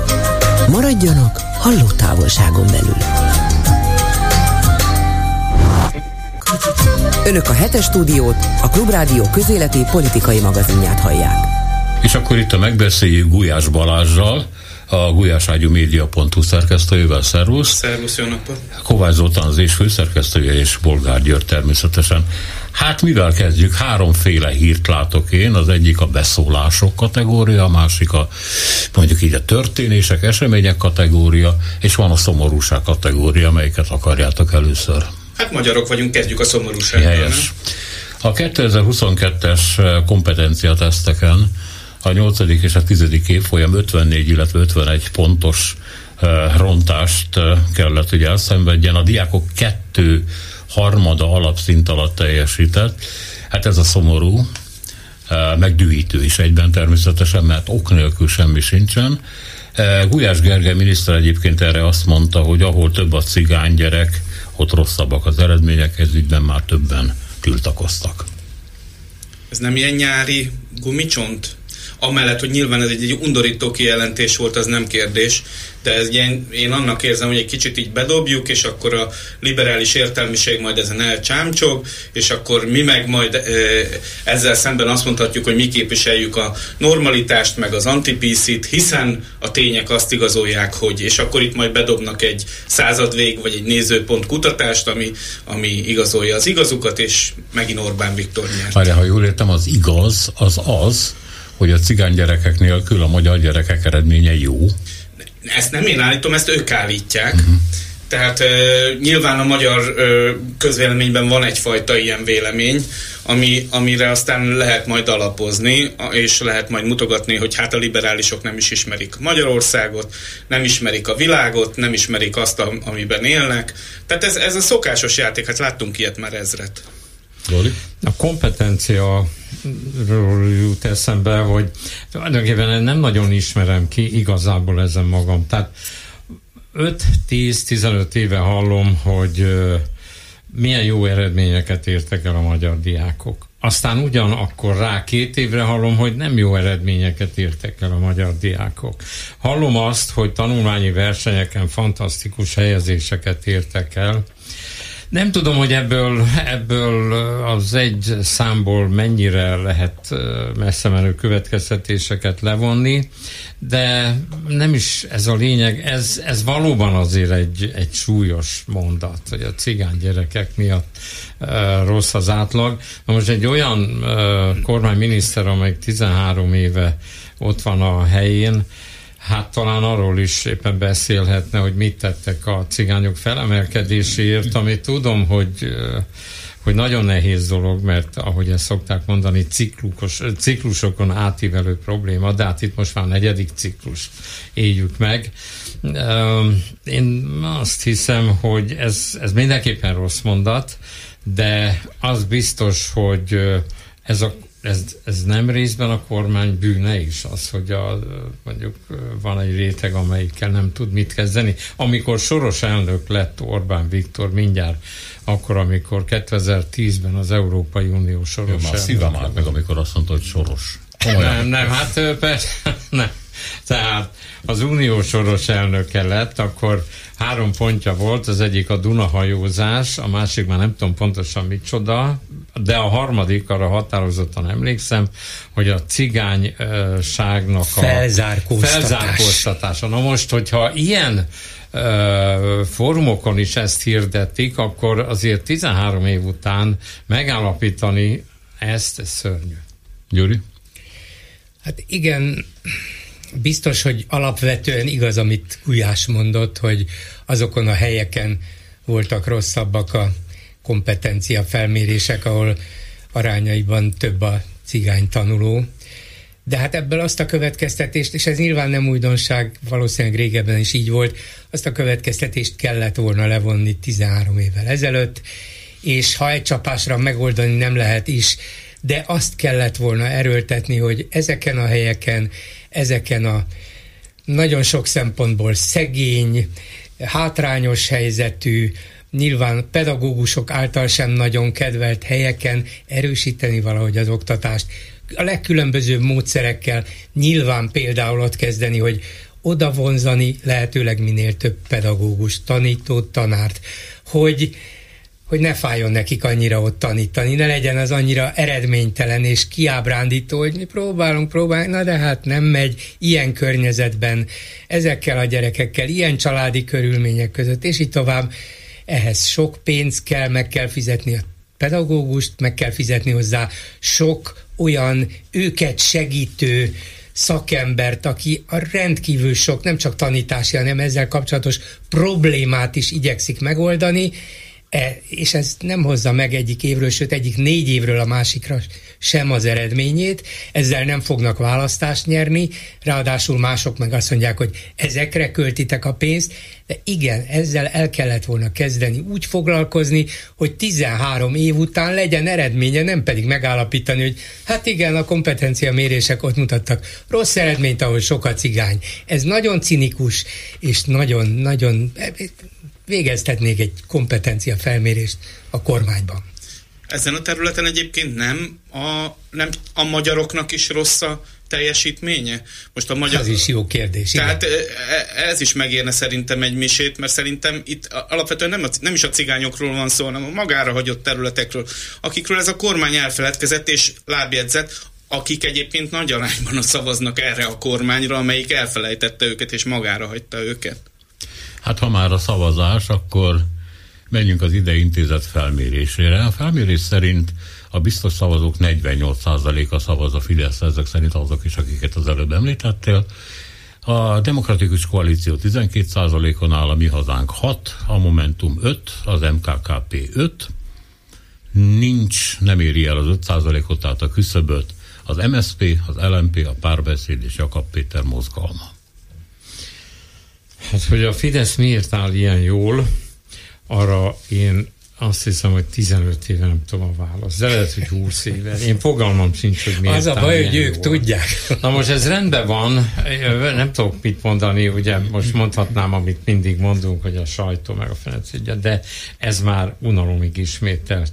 Nem tudom, egy átvert nemzettel van itt dolgunk, amit lehet, a, a, úgy kommunikálnak, hogy az nekik jó legyen. Egy nagyon őszintétlen, nagyon kártékony kormány, amelyiknek persze egyszer majd nyilvánvaló, hogy meg lesz a következménye, mert egyszer majd kiderülnek dolgok sok mindenben, gazdaságban, szemléletben, egyebekben. Nem tudom, ugye mindig ebben az asztalnál már sokszor elmondtam, hogy ez nem mehet így örökké.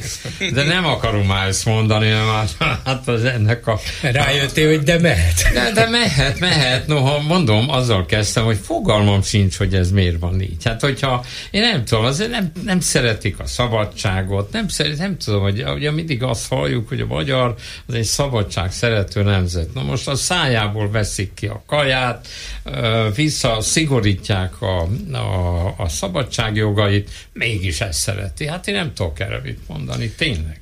Nagyon, nagyon, én, én ezt értetlenül állok ezelőtt. Még mindig van ezekből az uniós pénzekből, ami a, a ezeken a haverokon keresztül lecsorog a néphez, ezek még mind, ők még mindig úgy gondolják, hogy hát hiszen akkor tulajdonképpen van mit betevő, van betevő falatunk, de nem tudom, én erre nem tudok válaszolni. Én csak egy mondatot hadd idézek, a műsor első felében van egy uh, beszélgetésünk, uh, amiben uh, Mészáros Lőrinc fölemelkedéséről van szó, és hát az, az a megállapítás az átlátszó munkatársának, hogy tulajdonképpen mivel a mészáros cégek mindig megkapták a pénzeket, az uniós és az állami pénzeket is, olyan nem fordult el, hogy nem fizették ki az alvállalkozókat. Tehát ha valaki mészáros cégnél dolgozott, tudta, hogy ez egy stróman, tudta, hogy a pénzek hova mennek, de ki volt fizetve. Csak mondom, vannak ilyen megfontolások is, és nagyon sok. Hát én hasonlót mondtam, hogy valami ezeken a, a mondjuk a Mészáros és a Mészároshoz hasonló cégeken keresztül még mindig valami, valami lemegy azokhoz a rétegekhez, amelyek úgy gondolják, hogy hát tulajdonképpen nincs itt olyan nagy baj. De, De most lesz, mert ugye most azért ezek a pénzek elmaradnak. Ezek elmaradnak, hát én azért mondtam, hogy, hogy hát nem tudni majd akkor mi lesz, hogyha ezek a pénzek elmaradnak azért elégedetlenség az most is látszik, ezek a szociális jogok, kedvezmények, ezek azért csökkennek, romlanak.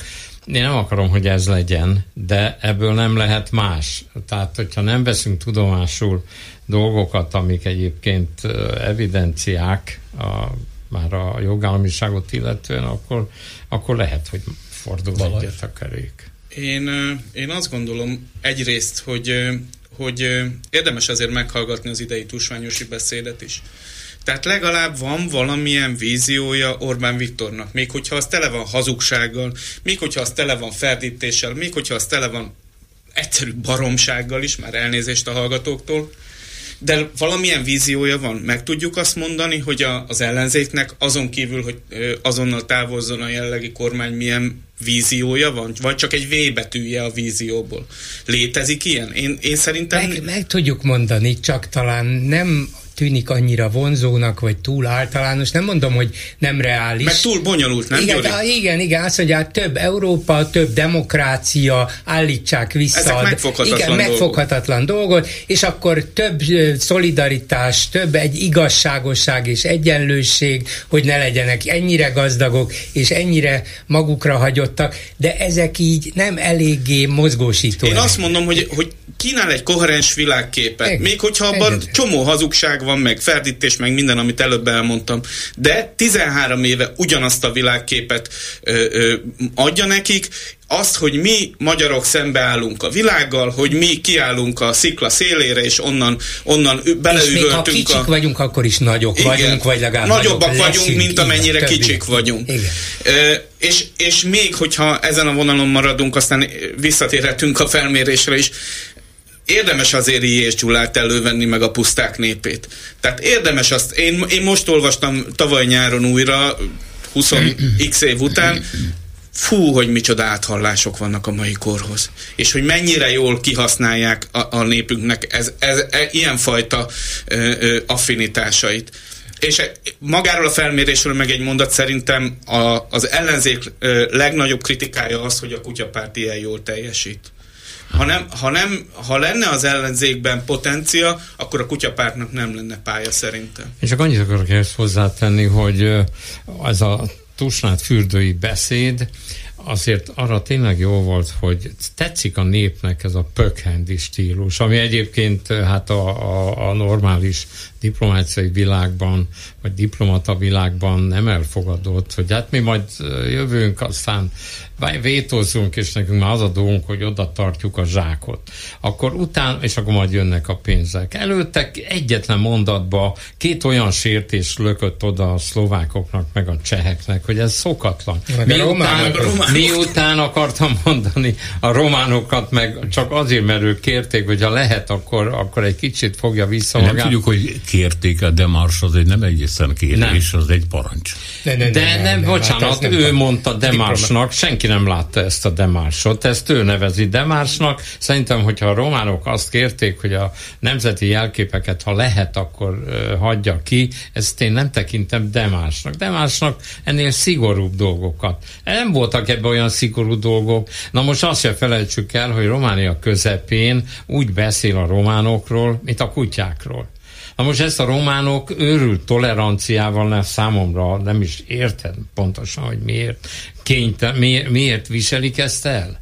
Hát hogy lehet bejönne Magyarországra valamelyik országnak a kormányfő, és így beszélne a magyarokról, az holnap kiutasítanák. Majdnem azt mondom, hogy joggal. Ez nem a véleményszabadság, ez a kulturálatlanság. Az ugye nem jogi kategória a, bunkóság, de hát azért én ezt mindig hallgatom, mindig meghallgatom ezt a tusnát fürdői beszédet, mindig elképedek azon, hogy miket képes mondani. Csak egy mondat ahhoz, amit Balázs mondott, hogy a magyar szereti, hogy ő szabad kiáll a szikrára, ezt szereti hallani magáról, de igazából a magyar a meghúzódást szereti, és ezért nyert ezzel a békedumával, ugye mióta kitört háborút, húzzuk meg magunkat, picik vagyunk, ne, ne is mutogassuk magunkat, nem akarunk mi senkitől semmit, az orosz megveri az ukránt, hát megveri az ő dolguk, csak nekünk ne essen bajunk. Ez a valódi magyar magatartás, és itt is nagyon szeretik azt, hogy bele van rúgva a románokba, meg a szlovákokba, de igazából ez a tét nélküli hősködés.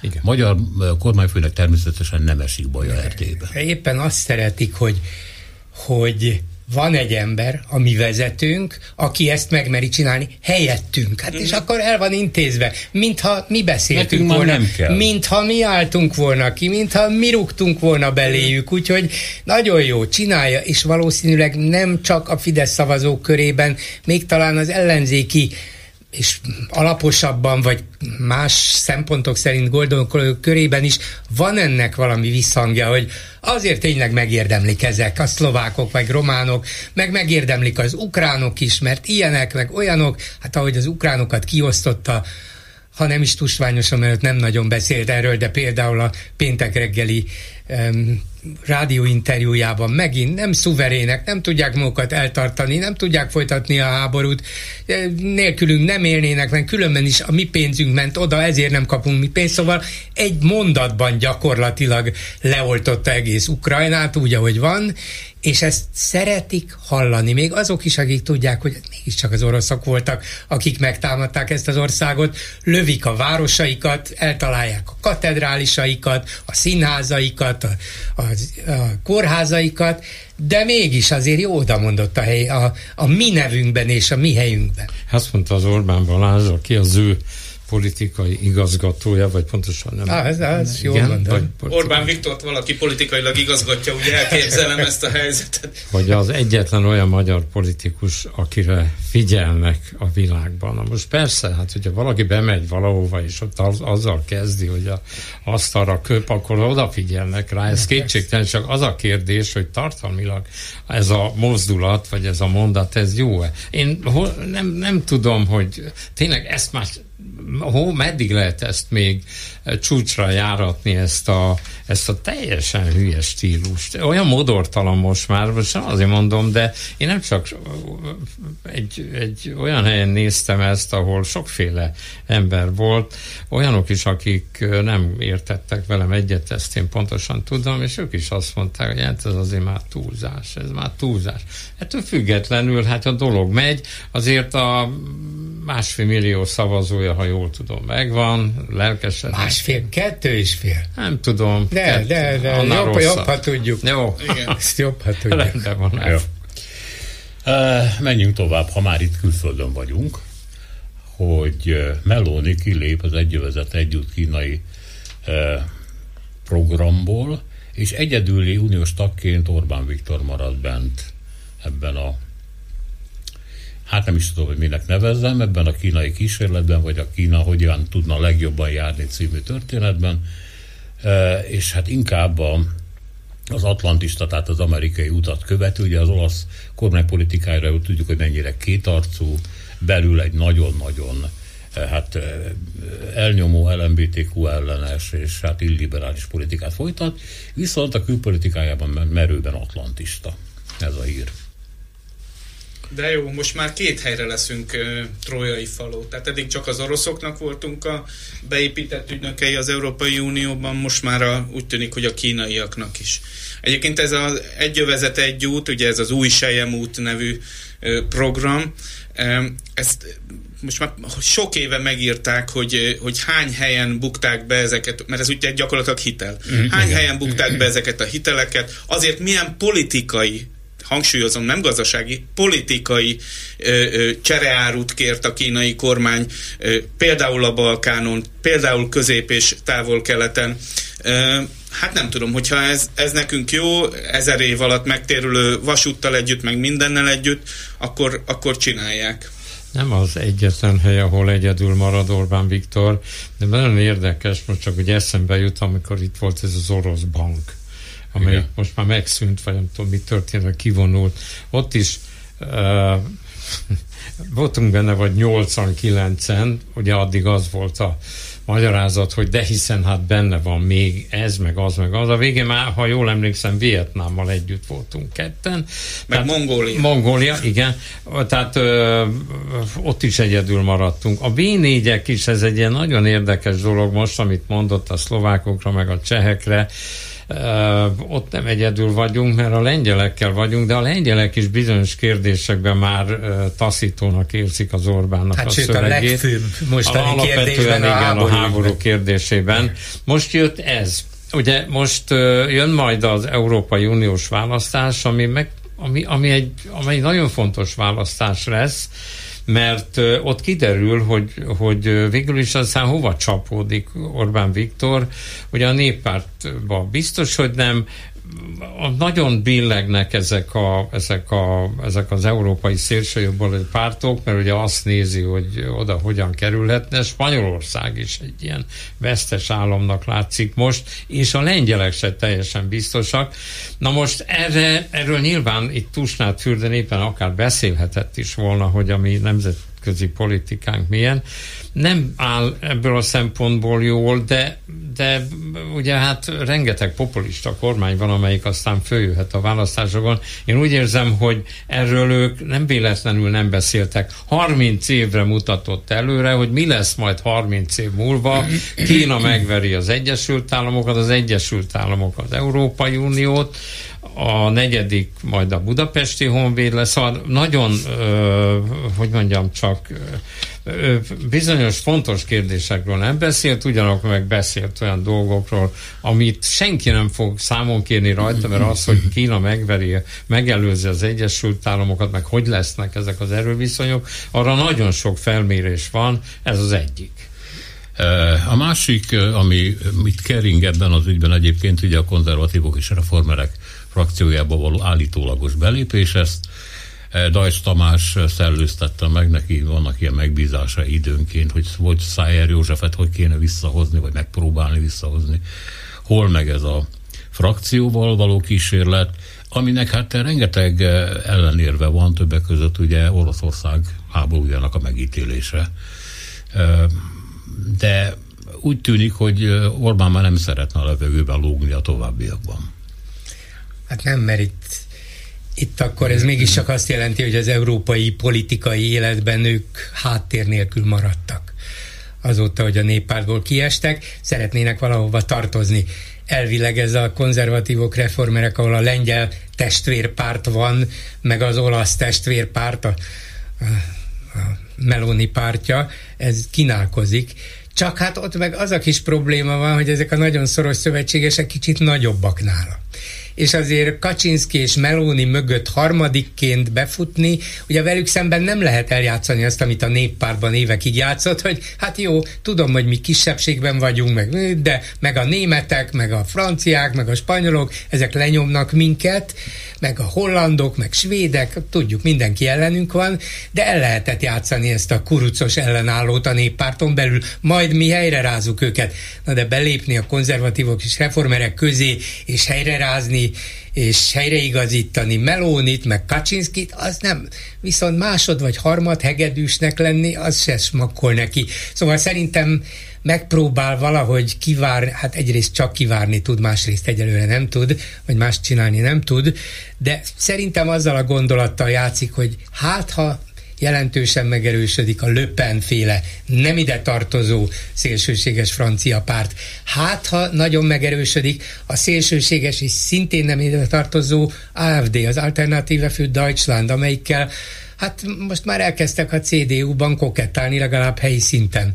És akkor hát, ha be lehet őket emelni a főpolitikába, vagy a fősodorba, és akkor azokkal gyakorlatilag azok nincsenek kormányon, nem is lesznek még egy ideig, de ott valamiféle vezetőként tündökölhetek. Szerintem ezt a két vasat tartja tűzben, de volt egy érdekes interjúja a héten eh, Gulyás Gergelynek, nem ez a kormányinfo, ahol megkérdezték tőle, hogy hát mégis mire számítanak a jövő évi európai választáson, és azt mondta, hát talán egy jobboldali erősödésre igen, azt valószínűleg meg lesz, de arra, hogy a néppárt és a tőle jobbra, jobbra álló és akkor még meg is nevezte, hogy hát ezek a józan és észszerű erők, a szélső jobb, hogy ezek többséget szereznek az Európai Parlament, na, az kizárt. Szóval ők is tudják azt, hogy ez a játék, hát nem is kétesélyes, tulajdonképpen egyesélyes, csak abban bíznak, hogy itt valahogy az ő ellenzéki, szélső jobboldali ellenzéki helyük egy kicsit megerősödhet, hogy kivel szövetségben, azt nem tudjuk. Melonit egy kicsit, valószínűleg Melonire már nem néz olyan boldogan, mint ez. Ez a mai Kossuth Rádiós, hát interjúnak nem nevezi, monológból Igen. is kiderült, hogy Melonira hát nem néz úgy, nem tekint már úgy, mint korábban. Én, nekem volt szerencsém az utóbbi egy évben többször is a Strasburgi parlamentből Európai Parlamentből tudósítani, és ott háttérinformációkban én azt raktam össze, hogy pontosan arra, amit Gyuri, te mondtál, hogy nem akar másod vagy harmad hegedűs lenni, ezért egy új szövetséget ö, akarna összekovácsolni az európai konzervatívokból, ahova Meloni is tartozik, meg a, meg a Kaczynszkijék, illetve a még tőlük is jobb oldalra álló ID vagy identitás frakcióból, és akkor ő lehetne a kovász, ő lehetne az, aki ezt összehozna, összehozná, és akkor, akkor megoldódna, az ki lehetne húzni annak a méregfogát, hogy ő másod vagy harmad hegedűs, így kisebb frakcióval is tudna nagyobb lenni. az utat egész Európának. Igen, igen, igen. Ami egyébként szerintem abszolút ambíciója neki, csak hát nagyon, hála Istennek, nagyon messze áll ettől. Itt két zavaró tényező van, nem mondom, hogy gátló, de zavaró tényező van. Nekem van egy olyan háttérinformációm, hogy a Jobbik is letett arról, hogy a néppártba, vagy legalábbis most a jövő évi választások után a néppártba tudjon beülni, ha egyáltalán lesz mandátumuk, és szintén az európai konzervatívok felé kacsingat, nem mondom, hogy ez gátló tényező, de minden esetre zavaró tényező, és ugye a KDNP, amelyik ott ragadta a néppártban, hát nem hiszem, hogy sokáig eltűrnék azt, hogyha ha Fidesz beülne, tehát a testvérpártja, vagy az anyapártja, vagy nem is tudom, hogy kell ezt a különleges kapcsolatot nevezni, beülne egy új frakcióba, vagy akár csak az európai konzervatívok és reformisták közé, akkor ott maradhatna a KDNP az európai néppártban. Csak egyetlen mondat annak idején, amikor Bokros Lajos beül bekerült ebbe a reformerek, és nem tudom. Igen. Konzervatívok konzerv... és reformerek. Akkor még a britek is ott voltak. Bár, igen, brit még a, persze, igen. A, hát mi az az szörnyűködést, amit a Fidesz művelt, hogy hogyan lehet oda beülni egyáltalán. Na most hát persze nincs hova be, a, a, a Bokros teljesen más miatt ült oda be, hát ők először egyébként a Fidesz frakció, vagy a, a konzervatívok közé akkor, de hát ott a, Mert akkor még MDF volt. MDF volt, MDF igen, színen. de aztán a, végül is oda került, semmi egyebet nem jelentett az, amit, amit ott ült és kész. De ami a, a, csak egyetlen gondolat ez, hogy attól, hogy ő kiesett ebből a néppárti frakcióból, nyilvánvaló, hogy a, az ő lehetőségei erősen szűkültek, és akárhova fog ülni, az egy gyengébb frakció lesz. A fele ilyen félnótás jobboldali, akiket nem is vesznek komolyan. Tehát mindenképpen bár, hogy megnyeri a, a, a magyar választásokat, az európai választásokat, ugyanolyan légüres térbe mozog a frakció. Orbáni útnak mondják többen, a médiában az, ami azt, ami Izraelben történik, ugye az igazságügyi reform első szakaszát a parlament a Knesset végül is megszavazta. Ez gyakorlatilag azt jelenti, hogy bíróság, itt a legfelsőbb bíróságról van szó, elsősorban persze nem bírálhatja felül a kormány döntéseket, nem mondhat róla véleményt, nem semmisítheti meg. E, ezt e, egyébként az amerikai elnök többször helytelenítette, és e, nagyon keményen beszélt Netanyahu miniszterelnökkel, akinek most azt a kérdést teszik fel, hogy igen, ezt megszavaztak Nesszet, de hát ez elkerül a legfelsőbb bíróság elé, amelyiknek a jogkörét csorbítani akarják, és hát ezt még megsemmisítheti. Mire azt mondta, hogy akkor Izrael egy nagyon, nagyon rossz úton indul el, nem mondta, hogy ez merre vezet. Hát itt ez egy fék és ellensúly volt. A, ugye nálunk nincs ilyen megsemmisítési lehetősége a legfelsőbb bíróságnak, vagy az alkotmánybíróságnak van, de most hagyjuk is a magyar helyzetet. Szóval ez egy fék és ellensúly volt az izraeli rendszerben, és e, ezt most kivették. Ugye, amit, amit a hír kapcsán érdemes megjegyezni, hogy egy csomó büntető eljárás, tehát nem polgári, büntető eljárás van Orbán Viktor szövetségese, a jelenlegi miniszterelnök, izraeli miniszterelnök ellen, és hát en, egyrészt ez a, a, az oka ennek a változtatásnak, másrészt azok a szélsőséges pártok, ö, ilyen szupremacista, meg nem tudom én, ilyen nemzeti felsőbbrendűségben hívő pártok, akikkel muszáj volt, amelyekkel muszáj volt szövetséget kötni a Netanyahu-nak ahhoz, hogy egyáltalán hatalomra kerüljön. És ugye ez rengeteg, azt hiszem talán négy mandátumos különbség van a, a Knessetben, tehát, tehát ez egy nagyon delikát helyzet Izraelben, és, és jól látszik, hogy viszont az izraelieket ez zavarja. Tehát a, míg Magyarországon ö, ilyen, az elején beszéltük, hogy ilyen, ö, hogy jogállamiság, meg ilyen dolgokkal ö, nem lehet ö, utcára vinni embereket, meg nem lehet mozgósítani embereket, nagyon komoly tüntetések vannak, ö, vannak és még vélhetőleg lesznek Izraelben, úgyhogy úgy látszik, hogy az izraelieket zavarja az, hogyha a fékekből és ellensúlyokból elvesznek. Ez, az, ez érdekes, ez az Orbáni út. Ezt egyébként sok helyen szeretnék ezt az Orbáni utat. Általában tudjuk, hogy kik ilyen populista pártok rámutatnak, hogy ez a jó út, ez, ezt kell csinálni, amit Orbán Viktor csinál Magyarországon, de itt a déli országokban is egyik másik párt, amelyik aztán végül is elvesztette a választásokat Szlovéniában, meg Horvátországban, ahova egyébként a magyar kormány már megint szóval igen nagy pénzeket fektet az ottani sajtóba, ami, ami egyszerűen nonsens, amikor ide valaki jön, hogy vesz egy újságot, akkor, akkor szörnyülködnek a Fideszben. Hát már senki nem akar természetesen újságot venni, mert nincs is mit megvenni tulajdonképpen. Uh, hát igazából, amit megvettek volna, az már nincs, ezt már megvette Pecina, és azóta már tudjuk, mi lett vele. Tehát ide aztán ilyen szempontból befektetők nem jönnek, de hogy ez a kettős mérce, ez tényleg őrületes módon működik. Amikor itt valaki valamit akar a sajtóval, akkor abban a pillanatban nem semmi közük hozzá, amikor itt befektett a magyar kormány tévébe ide-oda-oda. Nyilván nem a magyar kormány, hanem valamelyik lefűződvénye, akkor meg ez, igen, a magyar útról csak ez jutott eszembe, hogy... De, de szerintem Orbán biztos rendszeresen hallgat minket, szóval elképzelem őt, amikor szombat délután hallgatja ezt a beszélgetést, és arról beszélünk, hogy az Orbáni út, és szinte látom, hogy már ki akarná írni, csak szólnak neki, hogy ne, ne, ne, főnök, ne írja ki. Na ugye, ugye? Hát azért nem, nem kellene, szóval, de, de tényleg erről van szó, hogy mi is erről beszélünk, a világsajtó is erről beszél, a világpolitikában nagyon fontos ilyen-olyan emberek pró vagy kontra, Orbánt emlegetik példaképnek valamiféle utánozandó, vagy éppen elutasítandó politikai erőnek és, és politikusnak, de hát tényleg az van benne, hogy, hogy sokkal bátrabban és szókimondóbban próbálja képviselni azt az utat, ami felrúgja ezt a hagyományos liberális európai vagy nyugati demokráciát, ki is mondja, hogy ennek vége, a jövő kvázi Kínáé, ez a, ráadásul tusványosan is elmondta, hogy ez a fékek és ellensúlyok, hát ez euró blabla.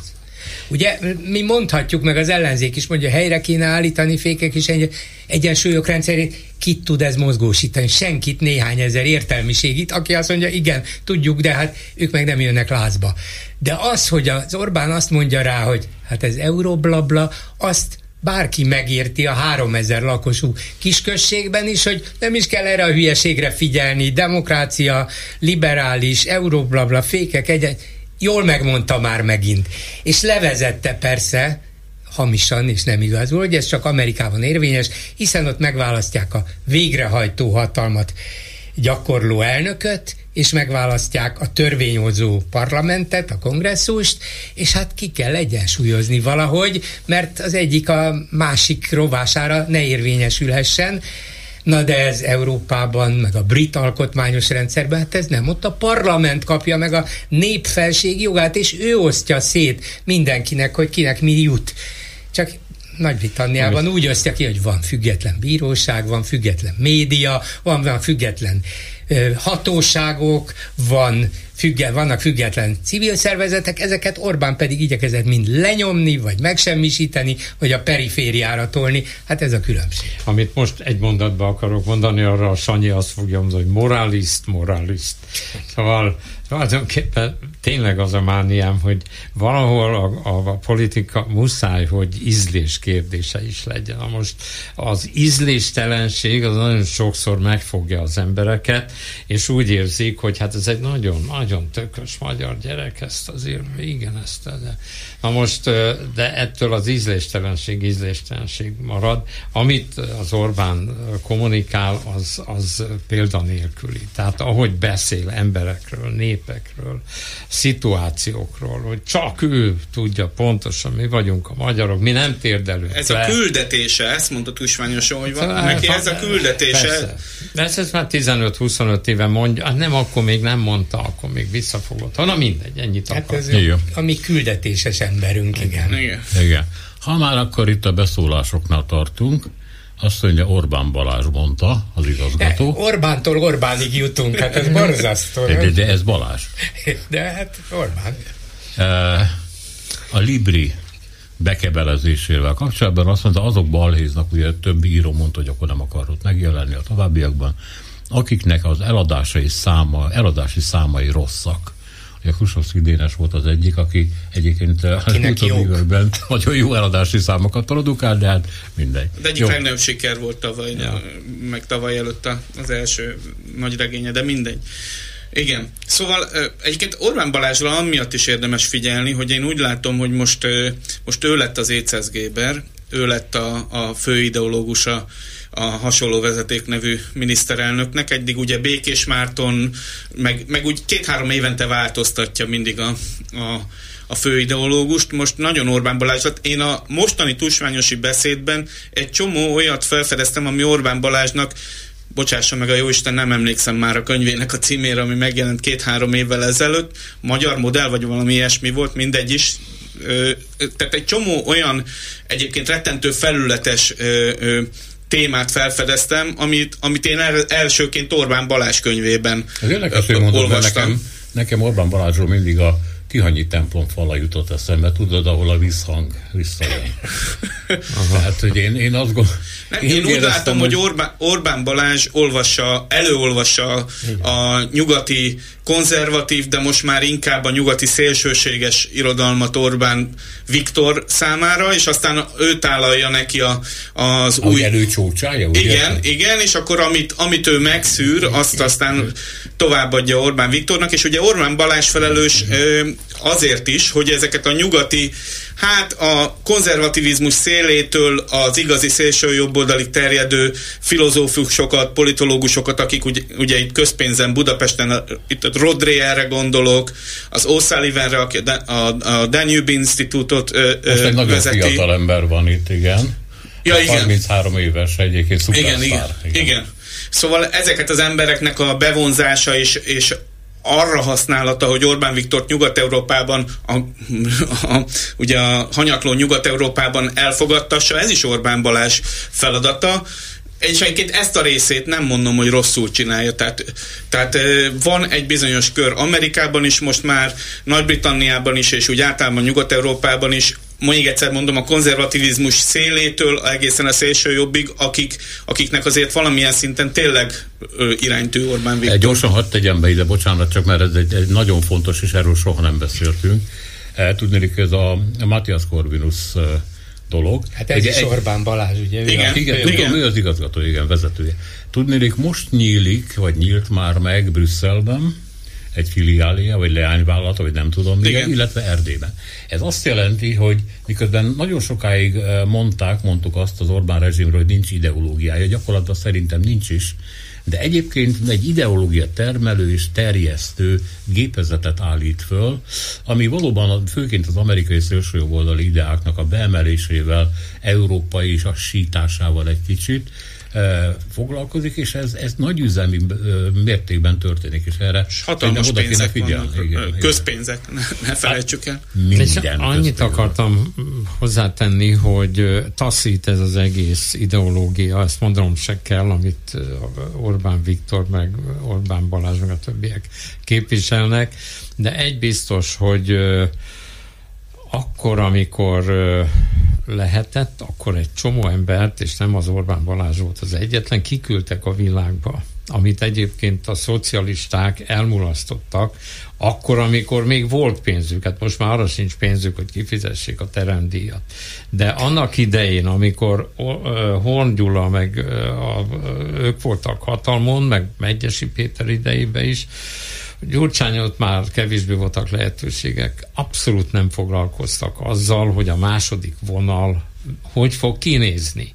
Tehát az Orbán foglalkozott vele, nagyon sok ember, először is tényleg kiküldött embereket, akikből aztán tízből három lett valaki, uh-huh. de az a három megvan. Az a Varga egyik, Juditból is így lett miniszter. Igen, ő belőle is, az Orbán Balázs is így lett, hogy kint tanultam, de azt nem, és ezt most már nem tudja a szocialista párt behozni, mert valóban nincs pénzük, a Gyurcsánynak sincs annyi. A ellenzéknek az egyik legnagyobb baja, hogy mindig ugyanazok beszéltek, soha nem gondolt gondoltak arra, hogy majd jön egy másik időszak, amikor majd egyáltalán valahogy mindenki ott állt, mint a magyar hadsereg az orosz fronton, ilyen vonalba elhelyezkedve, amikor épp áttörtek rajtuk, utána már nem volt senki. Nem is tudták tehermentesíteni egyébként sehol, nem is tudom akkor kik voltak a beszélő emberek, talán Szekeres Imre, Hornyáros, nem akarom felsorolni nincs második vonal, nem lesz már soha második vonal, és ezt nem tudja már,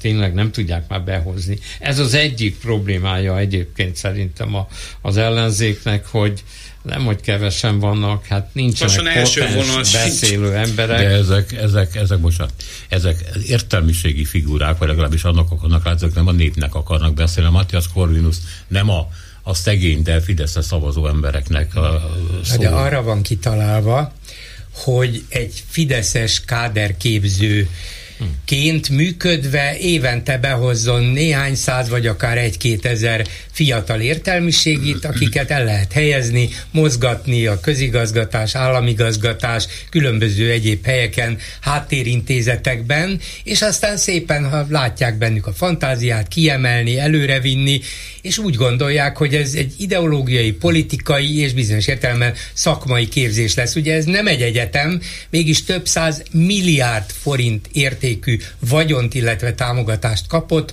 hozzák létre nekik ezeket a látványos eseményeket, mint ami most zajlik ezen a hétvégén Esztergomban, egy ilyen fesztivál, és akkor Európa politikai csodagyereke Sebastian Kurz ezzel a, ezzel a hangzatos dumával, politikai csodagyerek, aki hops, hogy kiröpült, meg kivágták ugye egy kis csalás miatt, meg csalás, ámítás, korrupció és a többi. Csoda gyerek volt valóban, csak hát csodásan megbukott. Na mindegy, a lényeg az, hogy jönnek ezek a vagy csoda, egykori csoda gyerekek, vagy kiérdemesült politológus, egyetemi tanárok, vagy, és nem csak ezt csinálják, hanem például a Magyar Külügyi Intézet élére két hónappal ezelőtt kineveztek egy amerikai politikológust, egy amerikai Magyar Külügyi Intézet. Kivették a külügyminisztérium alól, és rögtön a miniszterelnökségbe helyezték. Orbán Balázs felügyelet alatt, és közvetlenül Orbán Viktornak nyilván a tanácsot a magyar szuverenitás védelmében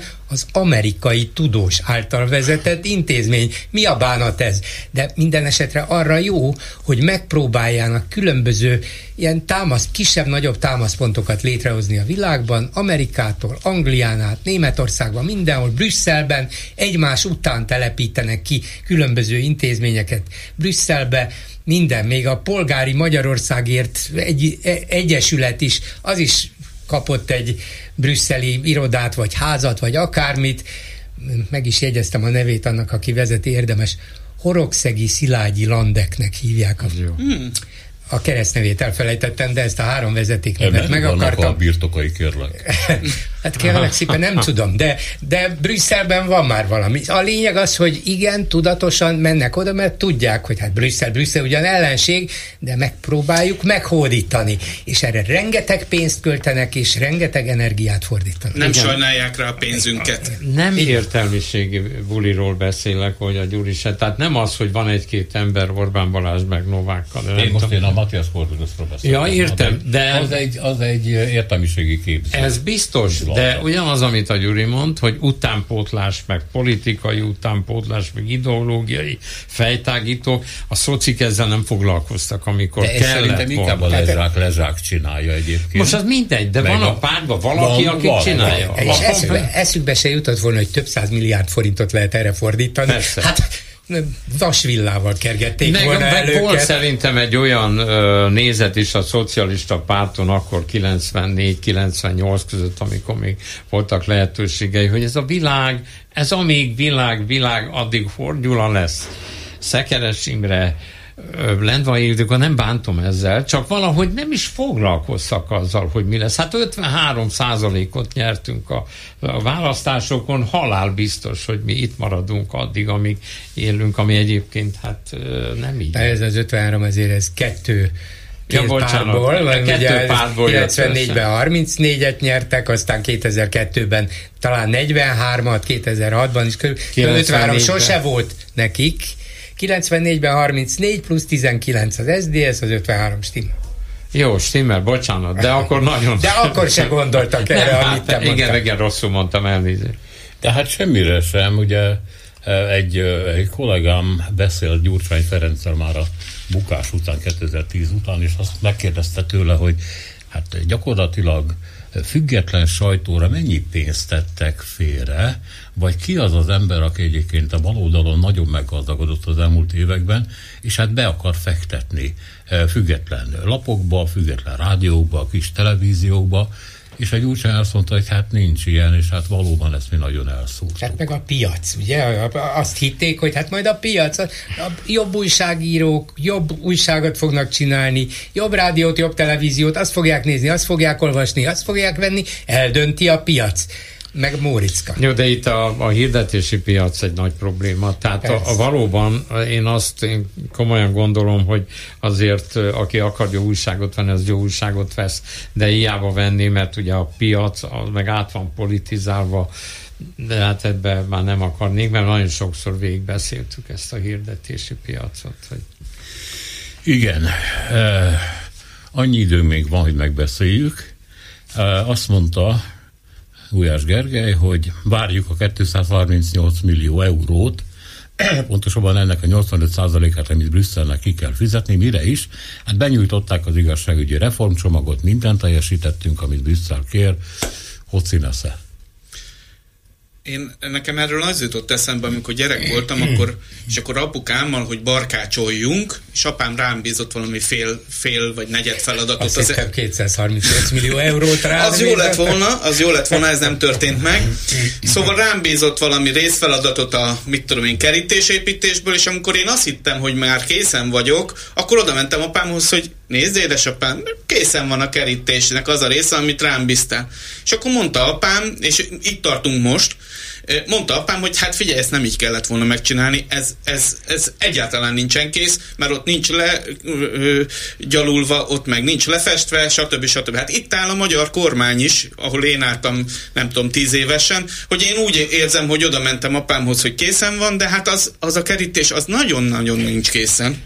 De hát egyébként a magyar kormány pontosan tudja, hogy amit benyújtanak törvényjavaslatokat, az úgyse fog megfelelni. Lehet, hogy egyszer majd elfogadja az Unió, mert már tele lesz a hócipőjük azzal, hogy megváltoztatják a jogszabályt. Hát emlékezzetek vissza, amikor a, a, az alapítványi egyetemeknél létrehoztak egy törvényt, hogy kiveszik a politikusokat az, a kuratóriumokból rábólintottak, rendben van. Majd októberben más címen visszarakták ugyanazokat a politikusokat, mert ki higgyen ennek a kormánynak egyébként, hogyha mindig buherálnak valamit, ez a buherálás, ez nem törvényalkotás, ez ö, valahogy próbálkoznak, mindig oda mennek, hogy itt van egy másik papír, jó lesz-e?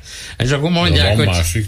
Van másik. De nem azt mondják, hogy jó lesz-e, hanem azt mondják, hogy legyen jó. Ja, hát ez befe- igen, legyen, Legyen jó, jó. és befelé azt kommunikálják, hogy mi mindent Mindent megcsináltunk, igen. Mindenki tudja, hogy Magyarországon a jogállamiság az, az egy fikció. Ez, ezek nem, valamit tényleg valamit csináltak most a bírósági törvényel, de alapjában véve minden rossz.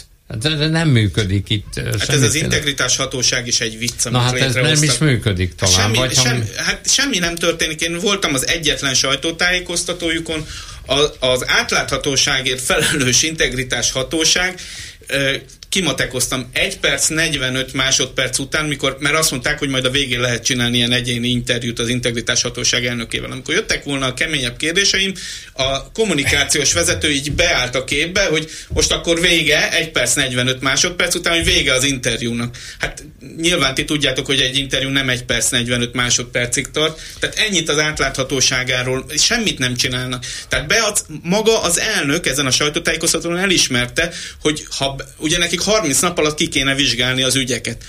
Az, az elnök elmondta ott mindenféle skrupulus nélkül, hogy ők annyit tudnak 30 nap alatt csinálni, hogy küldenek egy levelet, tehát megválaszolják a problémádat, azt válaszolják 30 nap alatt, hogy nem tudják 30 nap alatt befejezni az ügyet. Hát egyszer Milyen mindig szép meghosszabbíthatják 30 napra. Na most, az már tényleg, ha azt nézzük, miféle jogállam van, és, és hol van a korrupciómentesség, én ezt nem tudom elképzelni, hogy normális állapot az, amikor Orbán Viktornak a pattársa, nem tudom már a Forbes listán az ötödik, a, a lánya, a nem tudom én hol, a Tibor szemzel, ha csak ezt nézzük, tényleg nem akarok ilyen, ilyen leegyszerűsítve gondolkodni, de olyan nincs, hogy a családtagja és a barátai Magyarország leggazdagabb Igen, emberei lettek, mert ez egy ténykérdés. Ez lehetetlen, hogy valahol. És ráadásul Most ugye egy újnak. éppen a héten a G7 portál egy nagyszerű cikkben fette föl, hogy Tiborc István, vagyis a a miniszterelnöki vej az elmúlt években 27 milliárd forintot kapott az ország egyik vagy talán leggazdagabb ingatlanosától, akit korábban nem fideszesnek tartottak, de hát valamilyen módon mégis kapcsolatba került velük, méghozzá úgy, hogy ilyen obskúrus szinten nem létező cégeken keresztül elbújtatva juttatta az osztalék nyerességet el végül is Tiborchoz, senki nem tudta, nem is akarták megmondani, valahogy ezt sikerült kideríteni, még ráadásul úgy, hogy állami pénz is volt benne, mert a Magyar Külkereskedelmi Bank felszámolásából a rossz hiteleknek a, a valamilyen módon történő részbeni eh, visszaszerzéséből, amit, amivel ezt a jelenléket bízták meg, és így tovább, ebből szere, szerzett hasznot bújtatva eljuttatta Tiborcik, hát ilyenbe minden ország miniszterelnöke másnap belebukik, hát nálunk valószínűleg senki nem is vesz tudomást róla, nem is értenék túl bonyolult az egész, na minden esetre uniós pénz kell, vagy nem kell, Orbán, és akkor visszatérünk a kiinduló ponthoz, tusványosan közölte egy kérdés, hogy hát mit, persze kell, hát ha odaadhatnánk Erdélynek ezt a pár száz milliárdot, az mennyire segítene, na de ha kiszámoljuk, akkor a befizetéseink és a, az onnan kapott támogatások egyenlege két milliárd euró, hát mondjuk 800 milliárd forint. Az a baj, hogy nem olvasta el, nem nézte meg a könyvelést.